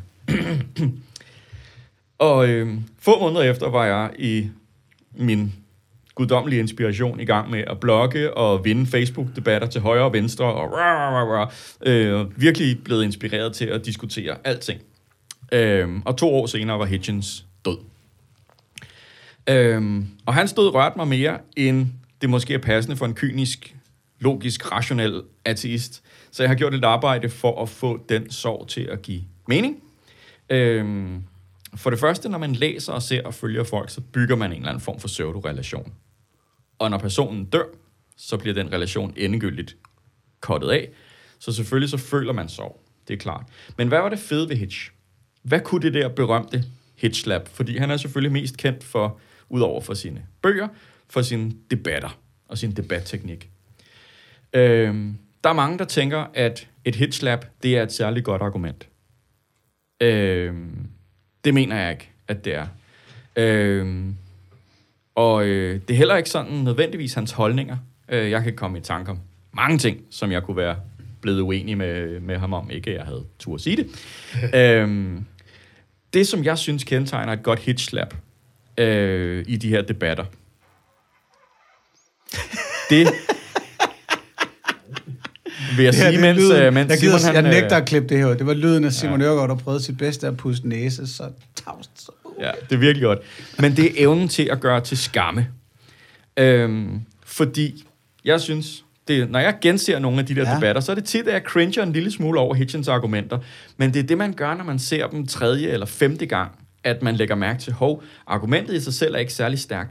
Men det at pille folk ned fra en pedestal, som, de kun, som kun står oprejst ved vanens på en gang solide magt og ganske skrøbelige mørtel, øhm, så krasser man lidt i det, og så siger det, så crasher det. Når folk puster sig selv op med en eller anden øh, vanvittig og guddommelig påstand, og så finde bare en eller anden svaghed, og bare tryk hårdt. Det er et hitslap. Find et, slag, et svagt punkt, og så slå det rigtig hårdt. Det er i virkeligheden, så synes jeg, det er tættere på Aikido, end på sådan egentlig slapping. Altså det, Ai- det, Aikido? Aikido, det, det er sådan det der øh, sådan selvforsvar, du ved, jo hårdere de kommer imod dig, så bruger du deres styrke imod dem. Og det, det, det, det er den selvfølgelighed og oppustethed, som de religiøse argumenter tit kommer med, der er deres største svaghed, fordi at jo mere selvfølgelig man tror, ens argumenter er, øh, jo mere overser man alle de svage sider ved, ved, ved argumenterne. Så hvis nogen siger, jamen øh, religionen er med til at gøre folk gode, men så finder man bare, høp, her er en ting, hvor, religi- hvor religionen gør folk ondere og dårligere. Og så har man faktisk allerede skudt det der argument ned. Og det kan godt være, at man ikke har sagt særlig meget om religion generelt, men påstanden om, at religionen er med til at gøre folk gode, er bare blevet slået ned. Og hvis man så kan gøre det tilstrækkeligt højlydt og, og, øh, og velartikuleret, så er det jo bare smukkere. Ja, altså han havde et virkelig fintunet moralsk kompas. Også over for sin egen altså, laster. Så, så når nogen sad og pyntede sig med lånte fjer, og han ligesom mærkede, nej, nej, nej, det der kan du ikke. Du skal du ikke sidde som rabbiner og tale godt om omskæringer. Du skal ikke sidde der som hijabklædt kvinde og tale godt om hijab og så videre. Der er det, han netop smed den der, how dare you gå på den her måde ind. Yes. Det synes jeg, du er helt ret i.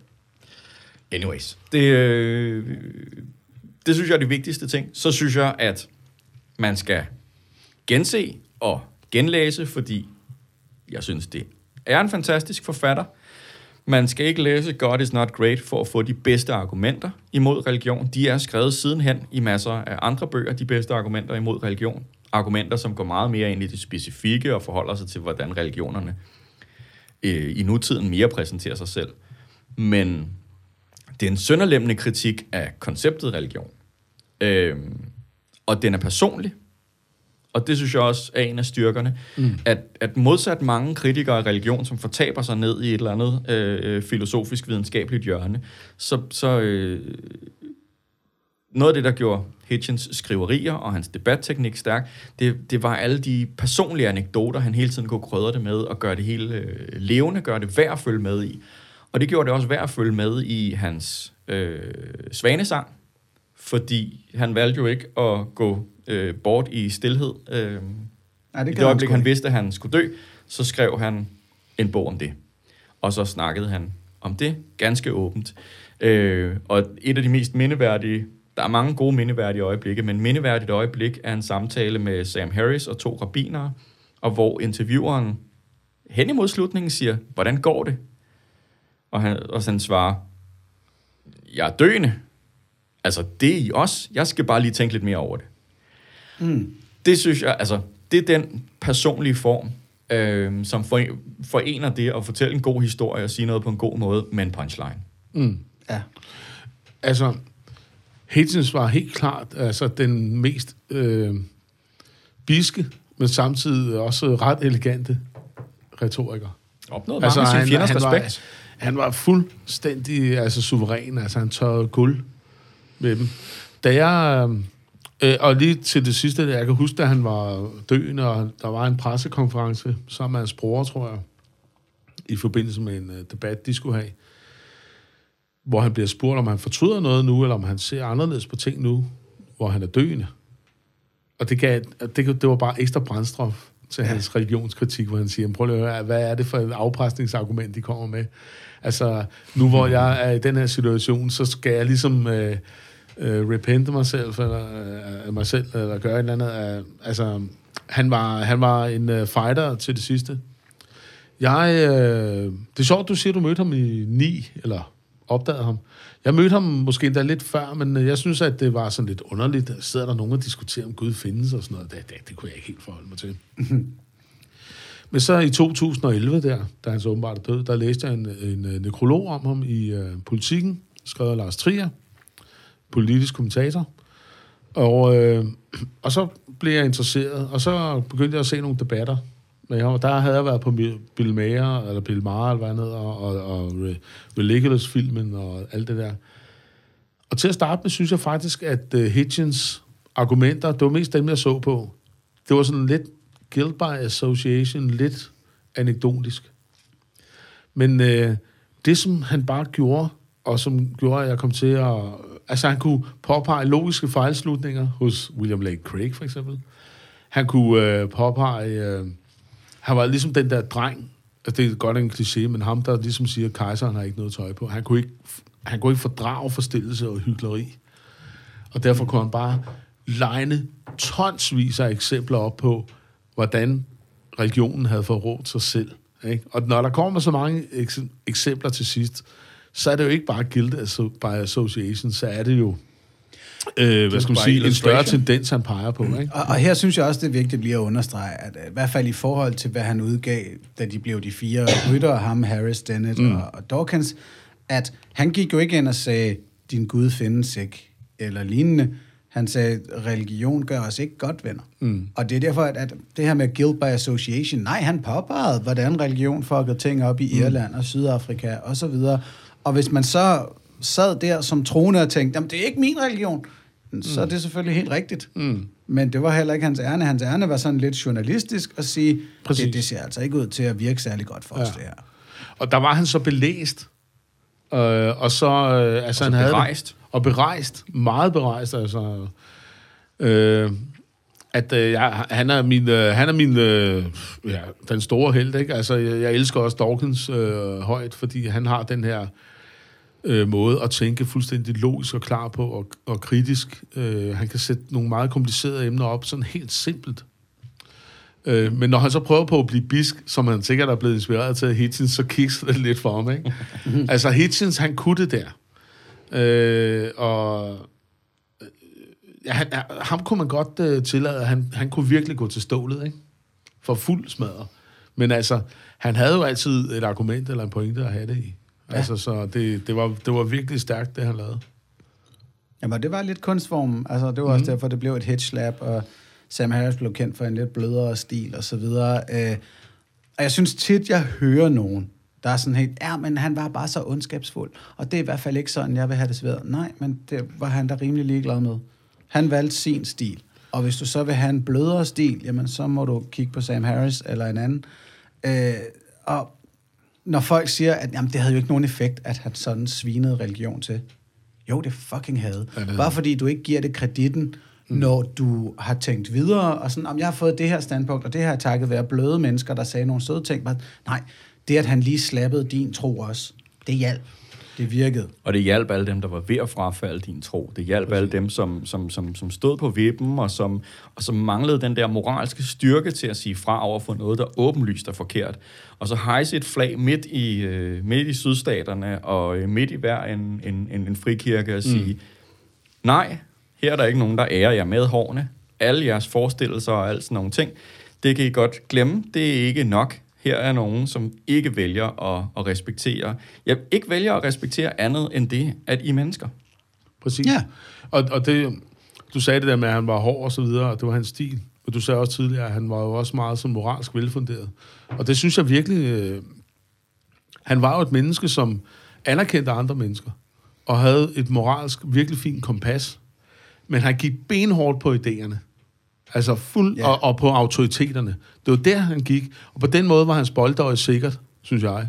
I hvert Og, fald øh, tidligt på aftenen. Altså, øh, Og- der, øh, der er næsten ikke en, en video af en debat, hvor at efter to timers debat og, øh, og øh, lidt for langt til den næste øh, whisky eller bar eller et eller andet, og nogen stiller sig op og stiller et spørgsmål, som åbenbart ikke øh, behager øh, den gode hitch, så bliver de hudflettet.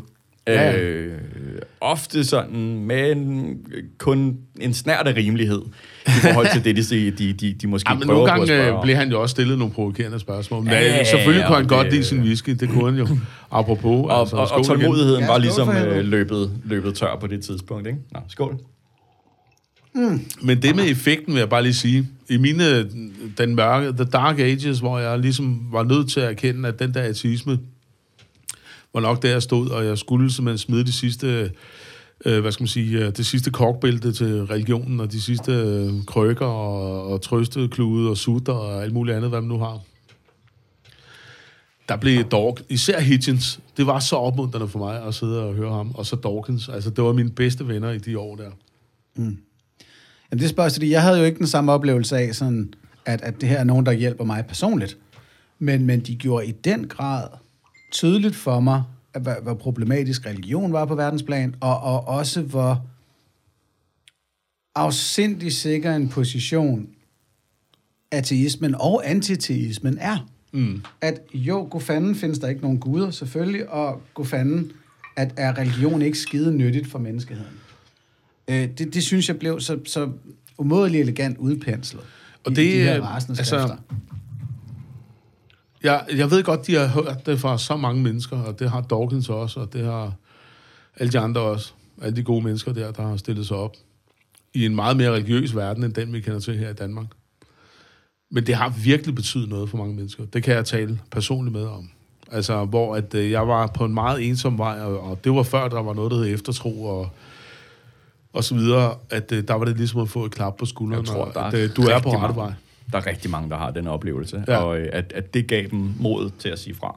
Så selvom de der gamle øh, debatter efterhånden 10 år gamle, 15 år gamle, kan se lidt uh, jaded ud på YouTube, og teknikken ikke er sådan uh, up to date, Så det er altså virkelig, hvis der sidder nogen derude og har lyst til at sige, altså prøve at tænke i de baner, så er det virkelig anbefalesværdigt. Skal vi lige komme med et par række, en række anbefalinger? Det, det, altså, der kan jo, der, det er jo det fede. Ja. Der kan jo være lyttere, som ikke aner, hvad vi snakker om. Yes, øh, jeg kan nævne nogle stykker, men kom du bare. Yes, jamen, øh, hvis vi skal... Lad os, lad os starte med, med, med det, der, det, der er sagen, The Hitch Lab. Og der vil jeg sige, at Hitchens, Christopher Hitchens og Stephen Fry diskuterer med to katolikker. det var også skulle også til at nævne det. Det er jo ikke Præcis. debat, det er porno.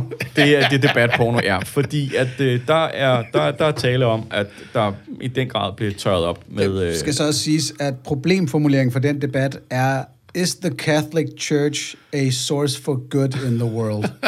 så, så altså, de må også... Au. Det var ja, de må have runket et par gange bare for at holde adrenalin nogenlunde i tjek. Det er også at de, det der, sådan, øh, den der boble af, de selv føler det. Og, og så havde de ikke set, hvad der kom. Og så, skal man, og så skal man bare vide, inden man går ind til den, at the good guys win at the end. Ja. Det er en Hollywood-film for, mm. øh, for religionskritik. Ja, det er det. Øh, fordi at det er øh, en, en så overbevisende sejr. Det er sådan en af de der debatter, hvor de stemmer i starten om, hvem man holder med, og så stemmer de i slutningen om, hvem de holder med. og, øh, og, og, og det er så vanvittigt, så mange, der hopper fra ja. at holde med den katolske kirke til at holde med ateisterne i slutningen af den der debat. At, at det, det er en ydmygende sejr. Det, det, det, det er sådan, at man næsten får Nej, ikke næsten. Jeg får ondt af de der to stakkels mennesker til sidst, at de fik så læsterlige klø. Fordi ja, det de. de vil ikke kunne sige noget som helst til sig selv bagefter for at forklare, nej, men det var også bare... Mm. Der er ikke noget at komme efter. Jeg vil sige, at øh, hvis man sidder juleaften og ikke gider se den så vanlige Hollywood-film, eller messen nede fra øh, øh, Rom, så se den. Det, det er faktisk rigtigt. Det var en god juleaftens øh, ting ja. at se. Men ja. det var en af dem. Har du flere? Og jeg, jeg, kan, jeg kan blive ved. Jeg tænkte, at hvis okay. vi nu øh, tog et par stykker hver, eller lige tog nogle hurtige runder.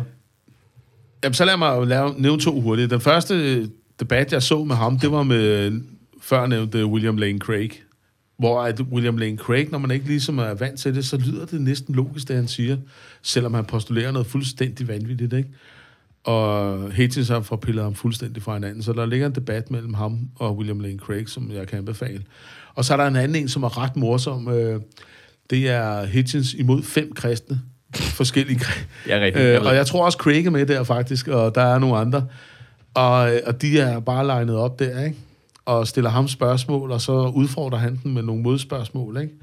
Og det er altså ubetaleligt. Altså han... Øh, det er helt vildt, som han tør guld med dem. Altså fem mand høj, ikke? Men det er også befriende, det, hvis man sidder omgivet af fjender, så kan du bare, så kan, ligegyldigt hvilken retning du slår, så rammer det jo nogen.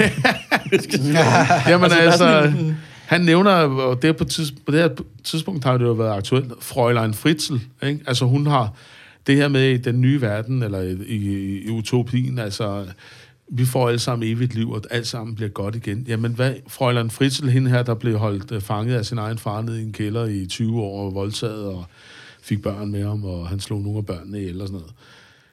Hvad skulle det til for? Kom med det. Altså, det er teodicé-argumentet, ikke? Ja, altså, hvorfor ja. findes der ondskab, ikke? Og, altså, jo, og hvorfor findes der ondskab i en så isoleret situation, ikke? Ja. Der, altså, øh... Hvad var lektionen her? Hvad var det, hun skulle lære?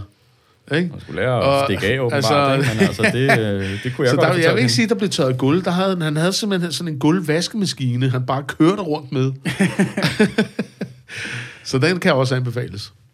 Ja, men øh, jeg havde de der to eksempler, jeg nævnte tidligere. Det, altså, fordi hvis man lige finder de der få hitch labs, hvor den rigtige er der, der er en rabiner, der sidder og snakker om, hvordan at hvis du har en omskadet penis, ja. så er din chance for at få en Nobels fredspris højere.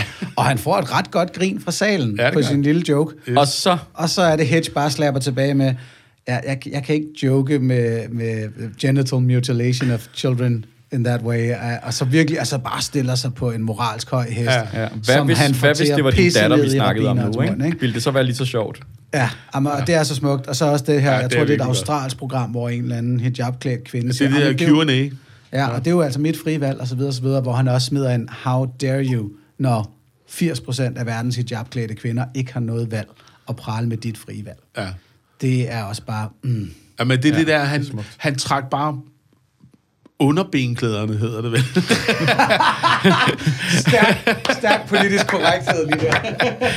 Jamen, han hævde bare trusserne af folk, ikke? Og sagde, prøv lige at se, mand, ikke? Altså, det var... Jamen, han var sgu god. Og så har han, og så har han utrolig meget humor. Og det er jo altså også afvæbnende og farligt på samme tid. Og det, mm. den der humor brugte han jo. og Han fortalte jo også vitser indimellem. Så. Ja. Og hjerte, fordi ja. hvis jeg så lige skal slutte af, så vil jeg anbefale øh, den debat, som jeg refererede til tidligere, hvor Sam Harris og Hitchens og to rabbinere diskuterer øh, afterlife. Og det er sådan en af de der, det er ikke en debat, det er en dialog, det er en diskussion. Øh, Hitchens hiver den en gang imellem hen på sådan lidt mere, ah, lad os skændes lidt øh, plan. øh, men det er, en, det er en af de der samtaler, man ville ønske, man selv havde i sit liv en gang imellem, fordi de bare virkelig får snakket sjove og interessante og vigtige ting igennem fra en kritisk vinkel. Og med et par hitslaps undervejs, men også med rigtig meget øh, hjerte. Men når, man skal ikke se den her sidste ting, jeg anbefaler øh, om et øjeblik, før man har lært Hitchens at kende, hvis man er en ny øh, taster. Øh, men når man så har fundet ud af, hvad han kan med de hårdt slående øh, øh, argumenter, eller de hårdt slående hitslaps, mm. så skal man se en lille video på nettet, som øh, ligger typisk under betegnelsen Dembski, Dembski Hitchens finale. Det er 2 minutter og 47 sekunder, som er mit personlige evangelium. Mm. Jeg vil ikke sige andet. Det kan være, at vi klipper den ind i slutningen af den her podcast. Det kan også være, at I bare skal have fornøjelsen af at finde den selv. Men det er essensen af humanisme og religionskritik i et på, kortest, på mindre end tre minutter. Hvis ikke der er ophavsrettigheder klart i slutningen af det her, Ja. men det sørger du for. Og så øh, må jeg bare lige komme Og med... ellers så er den altså, den er, den er nem at finde, og det er, en, øh, det er en fornøjelse, som jeg tror, de færreste kan øh, øh, sige sig fri for og, og, og, og øh, smile af undervejs. Der er også lige en øh, sidste anbefaling. Det er den, han har med sin bror, som er fuldstændig the opposite af Hitchens. Og Bortset fra sådan- deres debatstil. Ja, og, ja men øh, der, har, der er Hitchens så væsentligt mere velfunderet, kan man sige. Og øh, der er ikke nogen tvivl om, at, at i starten... Der Hvem er det- mere velfunderet af dem? Nå ja, Hitchens, ja, Christopher. Christopher. Øh, og der er venner. Jeg tror, der får man fornemmelse af, at øh, Christopher Hitchens, han, han vender folk i den debat der. Hvert fald til, altså okay, det, det, hvis man kan tale om en vinder i en debat, hvilket er lidt latterligt, ikke? Altså, så, så vinder han den. Så den debat, ikke. han har med hans bror. Ja. Så jo, øh, en kærlig tanke. Ja, fuck, hvor vil jeg gerne have mødt Christopher Hitchens. Nu ødelagde du lidt min slutanbefaling Undskyld. med den der, den virkelig gode. Så nu vil jeg også anbefale Ja, det ting til. Undskyld. Og det er fordi, man skal ikke tro, at der er nogle mennesker, der er helte, eller superhelte, eller supermennesker, eller et eller andet. Øhm, og hvis Hitchens er en dygtig debattør, så skal man, om, om man virkelig synes det, så skal man se ham mod en, der er bedre. Og det er Tony Blair. Nå. Øh, for det er også en debat, hvor at der er afstemning og sådan noget før og sidst og sådan noget, og hvor at Tony Blair kommer med endnu dårligere argumenter, men vinder. Fordi What? et eller andet med hans stil er bare endnu stærkere end, end, end Hitchens øh, stil. Og det synes jeg, man skal unde sig selv for at, at bekæmpe sine heldekomplekser. Det, man nu det lyder har. ubehageligt. Ja, det er ganske ubehageligt. Det er er, heller det er ikke en frygtelig 100% oplevelse. vil jeg Jeg, jeg, med. jeg kan ikke anbefale det som andet end, end, end, end lidt ligesom at løbe et maraton. At det er vel forhåbentlig ikke noget, man gør for fornøjelsen undervejs. Altså, så det er for at miste sit mod, sin, sin Sin Sin barnetro. respekt for menneskeheden. Det er at holde op med at tro på julemanden for at Det hører så med til den der debat. Det er en af Hitchens aller sidste, og han var ude og brække sig i pauserne, fordi Ja, ja, ja, han var så kraftsyg. Åh, oh, for fanden. Så det, det er en hård omgang. Og det gjorde folk, ja. Må, okay. må jeg komme med en Hitchens vidtighed? Ja. Den er meget kort. Og den er, han kørte den på den anglikanske øh, kirke, men man kan sagtens omsætte den til folkekirken. Ikke? Hvad får man, hvis man krydser et Jehovas vidne med en, øh, et med, medlem af den danske folkekirke? Hvad får man? Man får en, der kommer og ringer på din dør, uden nogen særlig grund til det. Om skål for Hitch. Skål for det. Skål for Hedge. Og tak for skænderiet, Gutte. Ja, glædelig jul. Glædelig jul for helvede.